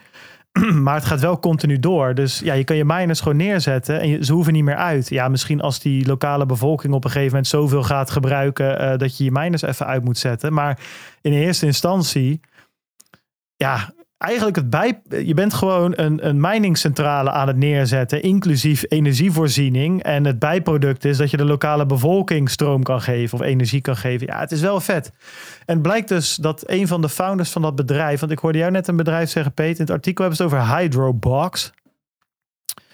Ehm, Ik had, het over, ik had het over Gridless. Ik dacht dat dat de, de projectontwikkelaar Ja, was. klopt hoor. Hydrobox is het apparaat. Gridless is de aanleg, eh, aanleggerd. Hmm, Oké, nou hier staat het bedrijf Hydrobox. Nou ja, goed, whatever. Eh, s- Google ze allebei zou ik zeggen. Maar dat is dus opgericht door een Belg en een Keniaan. Interessant. Eh, Het lijkt me wel leuk om die gozer een keertje in even bellen met te hebben. Het lijkt me helemaal vet om een keer langs te gaan daar. Dat ziet, eh, het ziet er wel... eh, Vandaag bellen we even met. ja, vandaag bellen we even met Allee. Allee. Kijken, ik zit te kijken of ik zijn, naam kan vinden. oh, Thomas Poelmans. Volgens mij, Oh, jammer. denk ik. Gertje was nog mooier geweest. Oh, Jatje. Nou goed, eh, heel vet en leuk om zo'n artikel in het FD te zien. Eh, ehm, en hier heb ik ook echt zoiets bij van ja, weet je, dit is nou geen overdreven eh, u- eh, door bitcoiners opgepompte use case, zeg maar, die, waarvan ik nog maar moet zien of het wat wordt. Nee, dit is daadwerkelijk, ja, hier zit wat in, zeg maar. En eh, goed of dat op, allemaal op Je krijgt er weer een beetje kleur van op de ja, wangen. precies. hè? Of een beetje op Ja. globale schaal eh, wat, wat, wat eh, dingen in de, hoe noem je dat? Zoden aan de dijk zet. Zoden aan de wal. Zoden aan de dijk. Zoiets. Maar wat jij wil. Of het wat uitmaakt, weet je. Ik weet niet of uiteindelijk honderd van die microcentraletjes wat, wat, wat boeit in, in de grand scheme of things van eh hash power en dat soort dingen. Ja, goed, misschien draait het daar ook helemaal niet om. Ehm is erg leuk. Andrea, bij deze complimenten van ons. Dat je maar vaak artikelen mag schrijven in het FD. Dat je collega's nog maar veel van je mogen leren. Precies. Dus even kijken. Ehm, ja, wat hebben we nog? Zou Bert er nog zijn? Bert is er nog, zeker. Ja. Oké. Eh, we, we, we hebben een nieuwe broker in Nederland. Finst heet het. Ex de Giro-medewerkers. Wat ik grappig vond, de reden waarom ik het aanhaal. We hebben het toch over het FD, kunnen we het hier ook over hebben. We hebben Matthijs, volgens mij, schreef hier een artikel over in het FD. Ik zal het eens even opzoeken. Finst FD. Vond ik grappig. denk, ja, wat is dit nou weer? Dus de ene week, god, nou laden. Ja, Matthijs inderdaad. Matthijs Rotteveel. Schrijft hij de ene week in het FD, brandt Bitfavo en, uh, en CEO Mark Nuvelstein helemaal tot aan de grond aan af. En verder, zeg maar, en dat mag hoor, ik bedoel, moet hij zelf weten. Uh, kijk, aan de ene kant, je hebt uh, gedeelte feiten en dingen die Bitfavo en Mark niet handig gedaan hebben, die ze misschien slimmer aan hadden kunnen pakken qua communicatie. Maar ja, goed, ik kan me ook voorstellen dat het wel een situatie is die je niet als 30-jarige CEO van tevoren kan plannen. Dus dat dat niet helemaal soepel gaat, kan ik me voorstellen.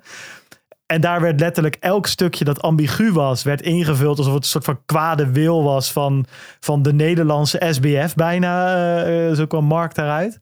En nu begint de Giro met een cryptobroker. Nou, het lijkt wel een advertorial daar in, die, uh, in, die, uh, in het FD. Echt, ja, er wordt van alles gewoon maar opgeschreven. Ze, bijvoorbeeld een quote hier van die, de, de CEO van dat Finst. Het is trouwens niet van de Giro, het zijn ex-de Giro-medewerkers.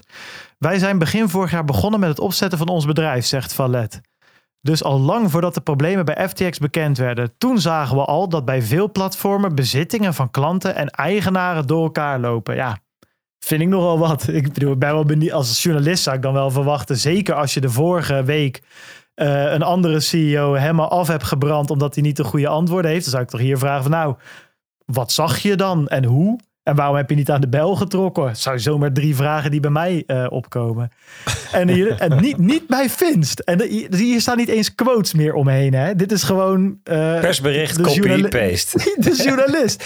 niet ja. bij Finst. Dat moet een platform zijn te vergelijken met brokers in de traditionele financiële wereld. Een beetje zoals de Giro, de oud-werkgever van Valet.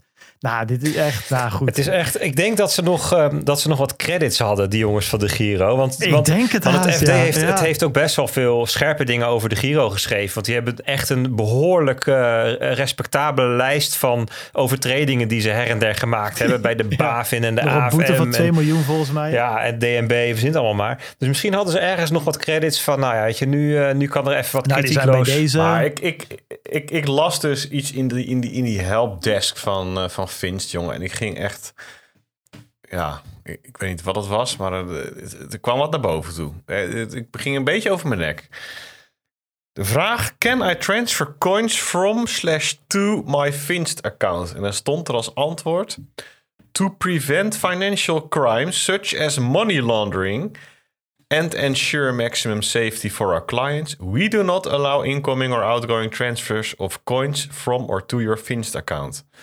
Ja, toen dacht ik wel echt van, nou, dit, dit, dit is een stel parasieten op, op, iets.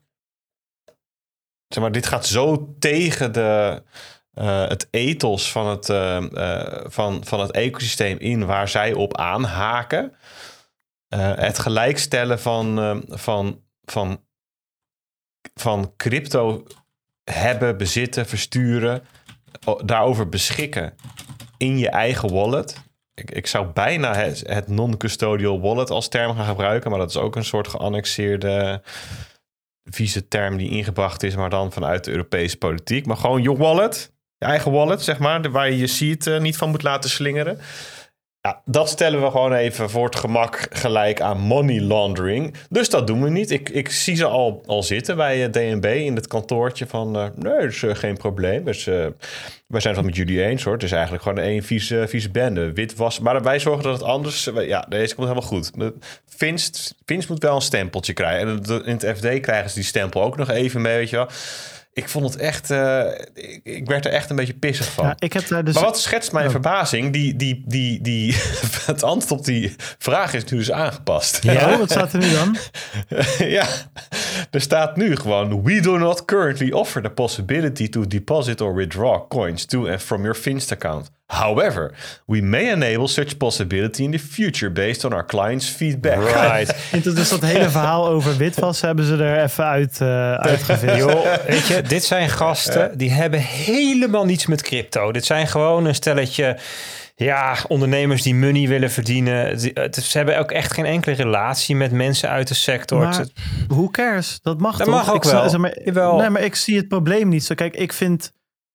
eh, kijk, als je, kijk, ik zou er niemand heen sturen. Ik ben het met Peet eens dat, dat zeg maar het kunnen beschikken. Hè, ook Bert, je hebt natuurlijk een artikel ooit over geschreven, die optionaliteit. Het kunnen beschikken over je eigen crypto is gewoon onderdeel van het crypto ethos en helemaal eh, not your keys, not your coins, whatever. Dat, dat ben ik ook helemaal mee eens. Ik zou er niet mensen heen sturen als ik denk van joh, eh, daar kan je je crypto avontuur goed beginnen. Of je bitcoin eh, ehm, eh, eh, trip of whatever.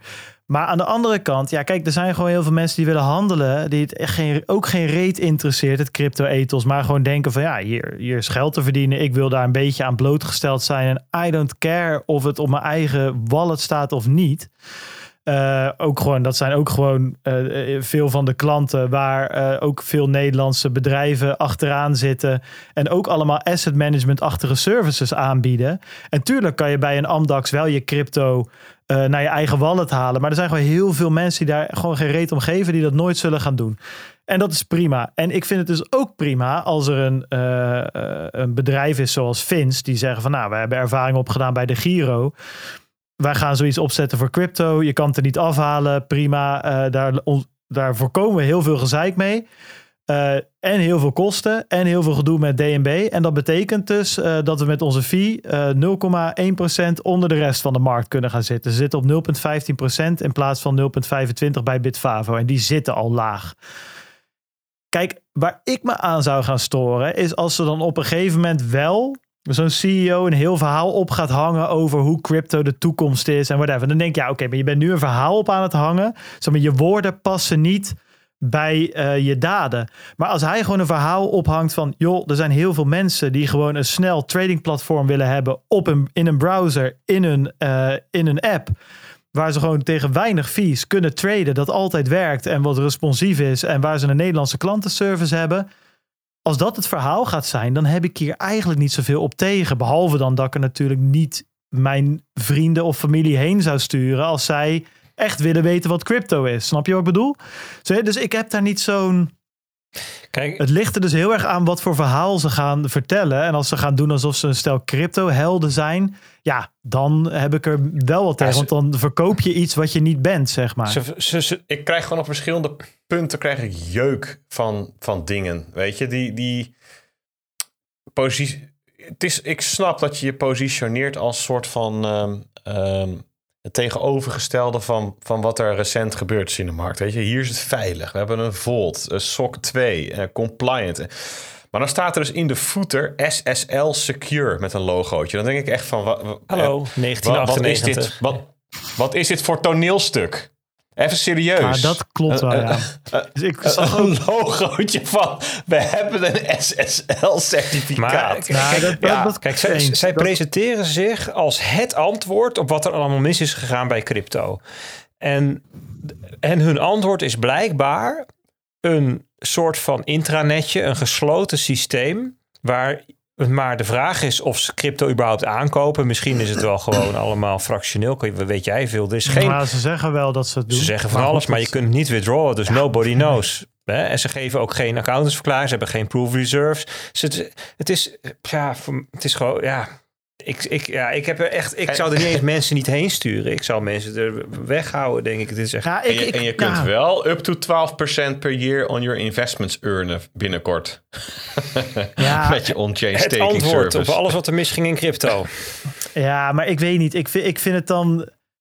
Ja, goed. Als, we, als je dit af wil fikken, dan valt er wel meer af te fikken, zeg maar. Tuurlijk. Snap je wat ik bedoel? Tuurlijk. Dus- laat me gewoon even. laat me Tuurlijk, gewoon alleen even, zij eh, presenteren zich expliciet dat als is- datgene wat niet afgefikt kan worden. Want wij doen het beter dan de rest.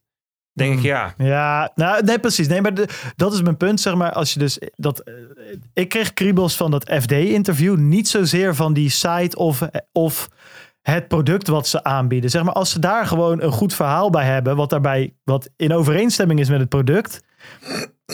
heb ik er niet zo. Ja, vrije markt, weet je wel. Ga je gang. Kijk, ik vind niet per se dat een bedrijf waar je cryptocurrency kan kopen.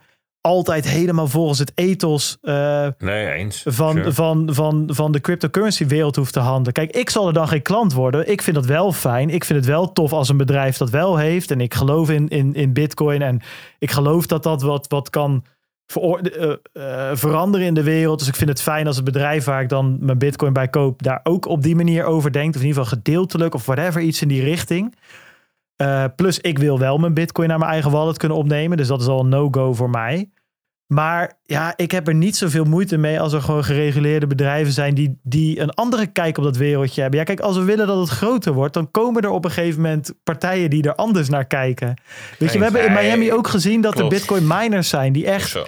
Weet je, die hebben gewoon gekeken van, nou, wat zullen we doen? Een aluminiumfabriek of bitcoin mining? Nou, bitcoin mining. En hebben ze hier gewoon het sommetje Nee, gemaakt en zijn sure, dat gaan doen. Bart. Die hebben helemaal geen reet met bitcoin verder. Bart, mijn punt is, is dat ze, ze, ze, ze claimen wel ehm, Ja. iets wat en alleen het kijk als ze gewoon zeggen joh ehm, met crypto zijn centen te verdienen en wij willen ook een deel van die centen zeg ik joh wees welkom doe, doe wat je niet laten kan als je je maar aan de regels houdt weet je wel prima maar ze doen alsof zij even komen laten zien hoe het wel moet en dan ja nou goed ja dus dat is de Ja, Nee, eens. Het, ik, dit, dit was gewoon even een vertaling van eh, eh, eh, dat ze eh, even met een eh, 3-0 achterstand begonnen. Vanwege wat ik las op de website. Dat charmer stuk in het FD en nou, de dingen die Bert zegt. Ja, dat is... Schoot gewoon eh, even in het ja, verkeerde dat, keel. dat is gewoon wat ik ervan vind kan ik ook niks aan doen ja, ja. eh, eh, mag gewoon, Ja. maar... Kijk, verder vind ik het ja, allemaal ik, prima. ik begon ook op die manier. En toen ging ik kijken en toen zag ik best wel een mooie eh, trading interface op die website. Best wel een mooie app. nou Weet je, mij, maar wat ik zeg, kijk, voordat ik straks weer overal helemaal afgebrand word alsof ik hier Fins loop te chillen. Dat is niet mijn punt, Ja, hè, Bart mensen. Even voor duidelijkheid. Nee, maar dat is niet Ja. mijn punt. Maar ik heb zoiets van, ja... Jij bent niet onafhankelijk zeker. Nee, Wordt ja, zeker betaald weet, door ze. nie- Nieuwe sponsor inderdaad. Ja, nee. Mafkees. Nee, maar kijk, ja, wat ik, wat ik zeg, ik vind dat niet. ehm, kijk, vrije markt is vrije markt, vind ik. Dus eh, ik ga niet de toegang. Ik kan het ook niet natuurlijk. Ik, maar ik ga niet de toegang ontzeggen van. Vince, jullie mogen dit niet doen, want jullie bieden dit en dat niet aan. Nee, maar goed, dit was gewoon even wat het de verkeerde keelgat schoot. Ja, snap weet je? Misschien horen ze dit en dan eh, ne- nemen ze contact Ja, op. En dan uh, wees ze de gewoon- hand, kopen ze een biertje voor Ja. ons. En dan vinsten we het allemaal weer prima. Precies. Vince, zeg Zo. gewoon wat je doet. En ga er, stop met de crypto-verhalen eromheen te verzinnen. Want daar zijn, voor dat examen zijn jullie gezakt.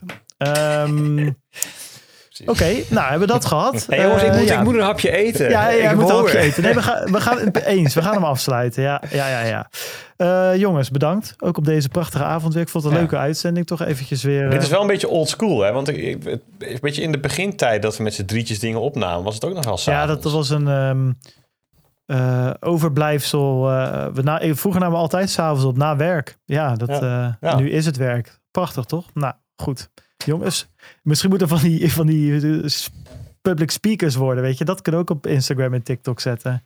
Vroeger deden we dit na werk.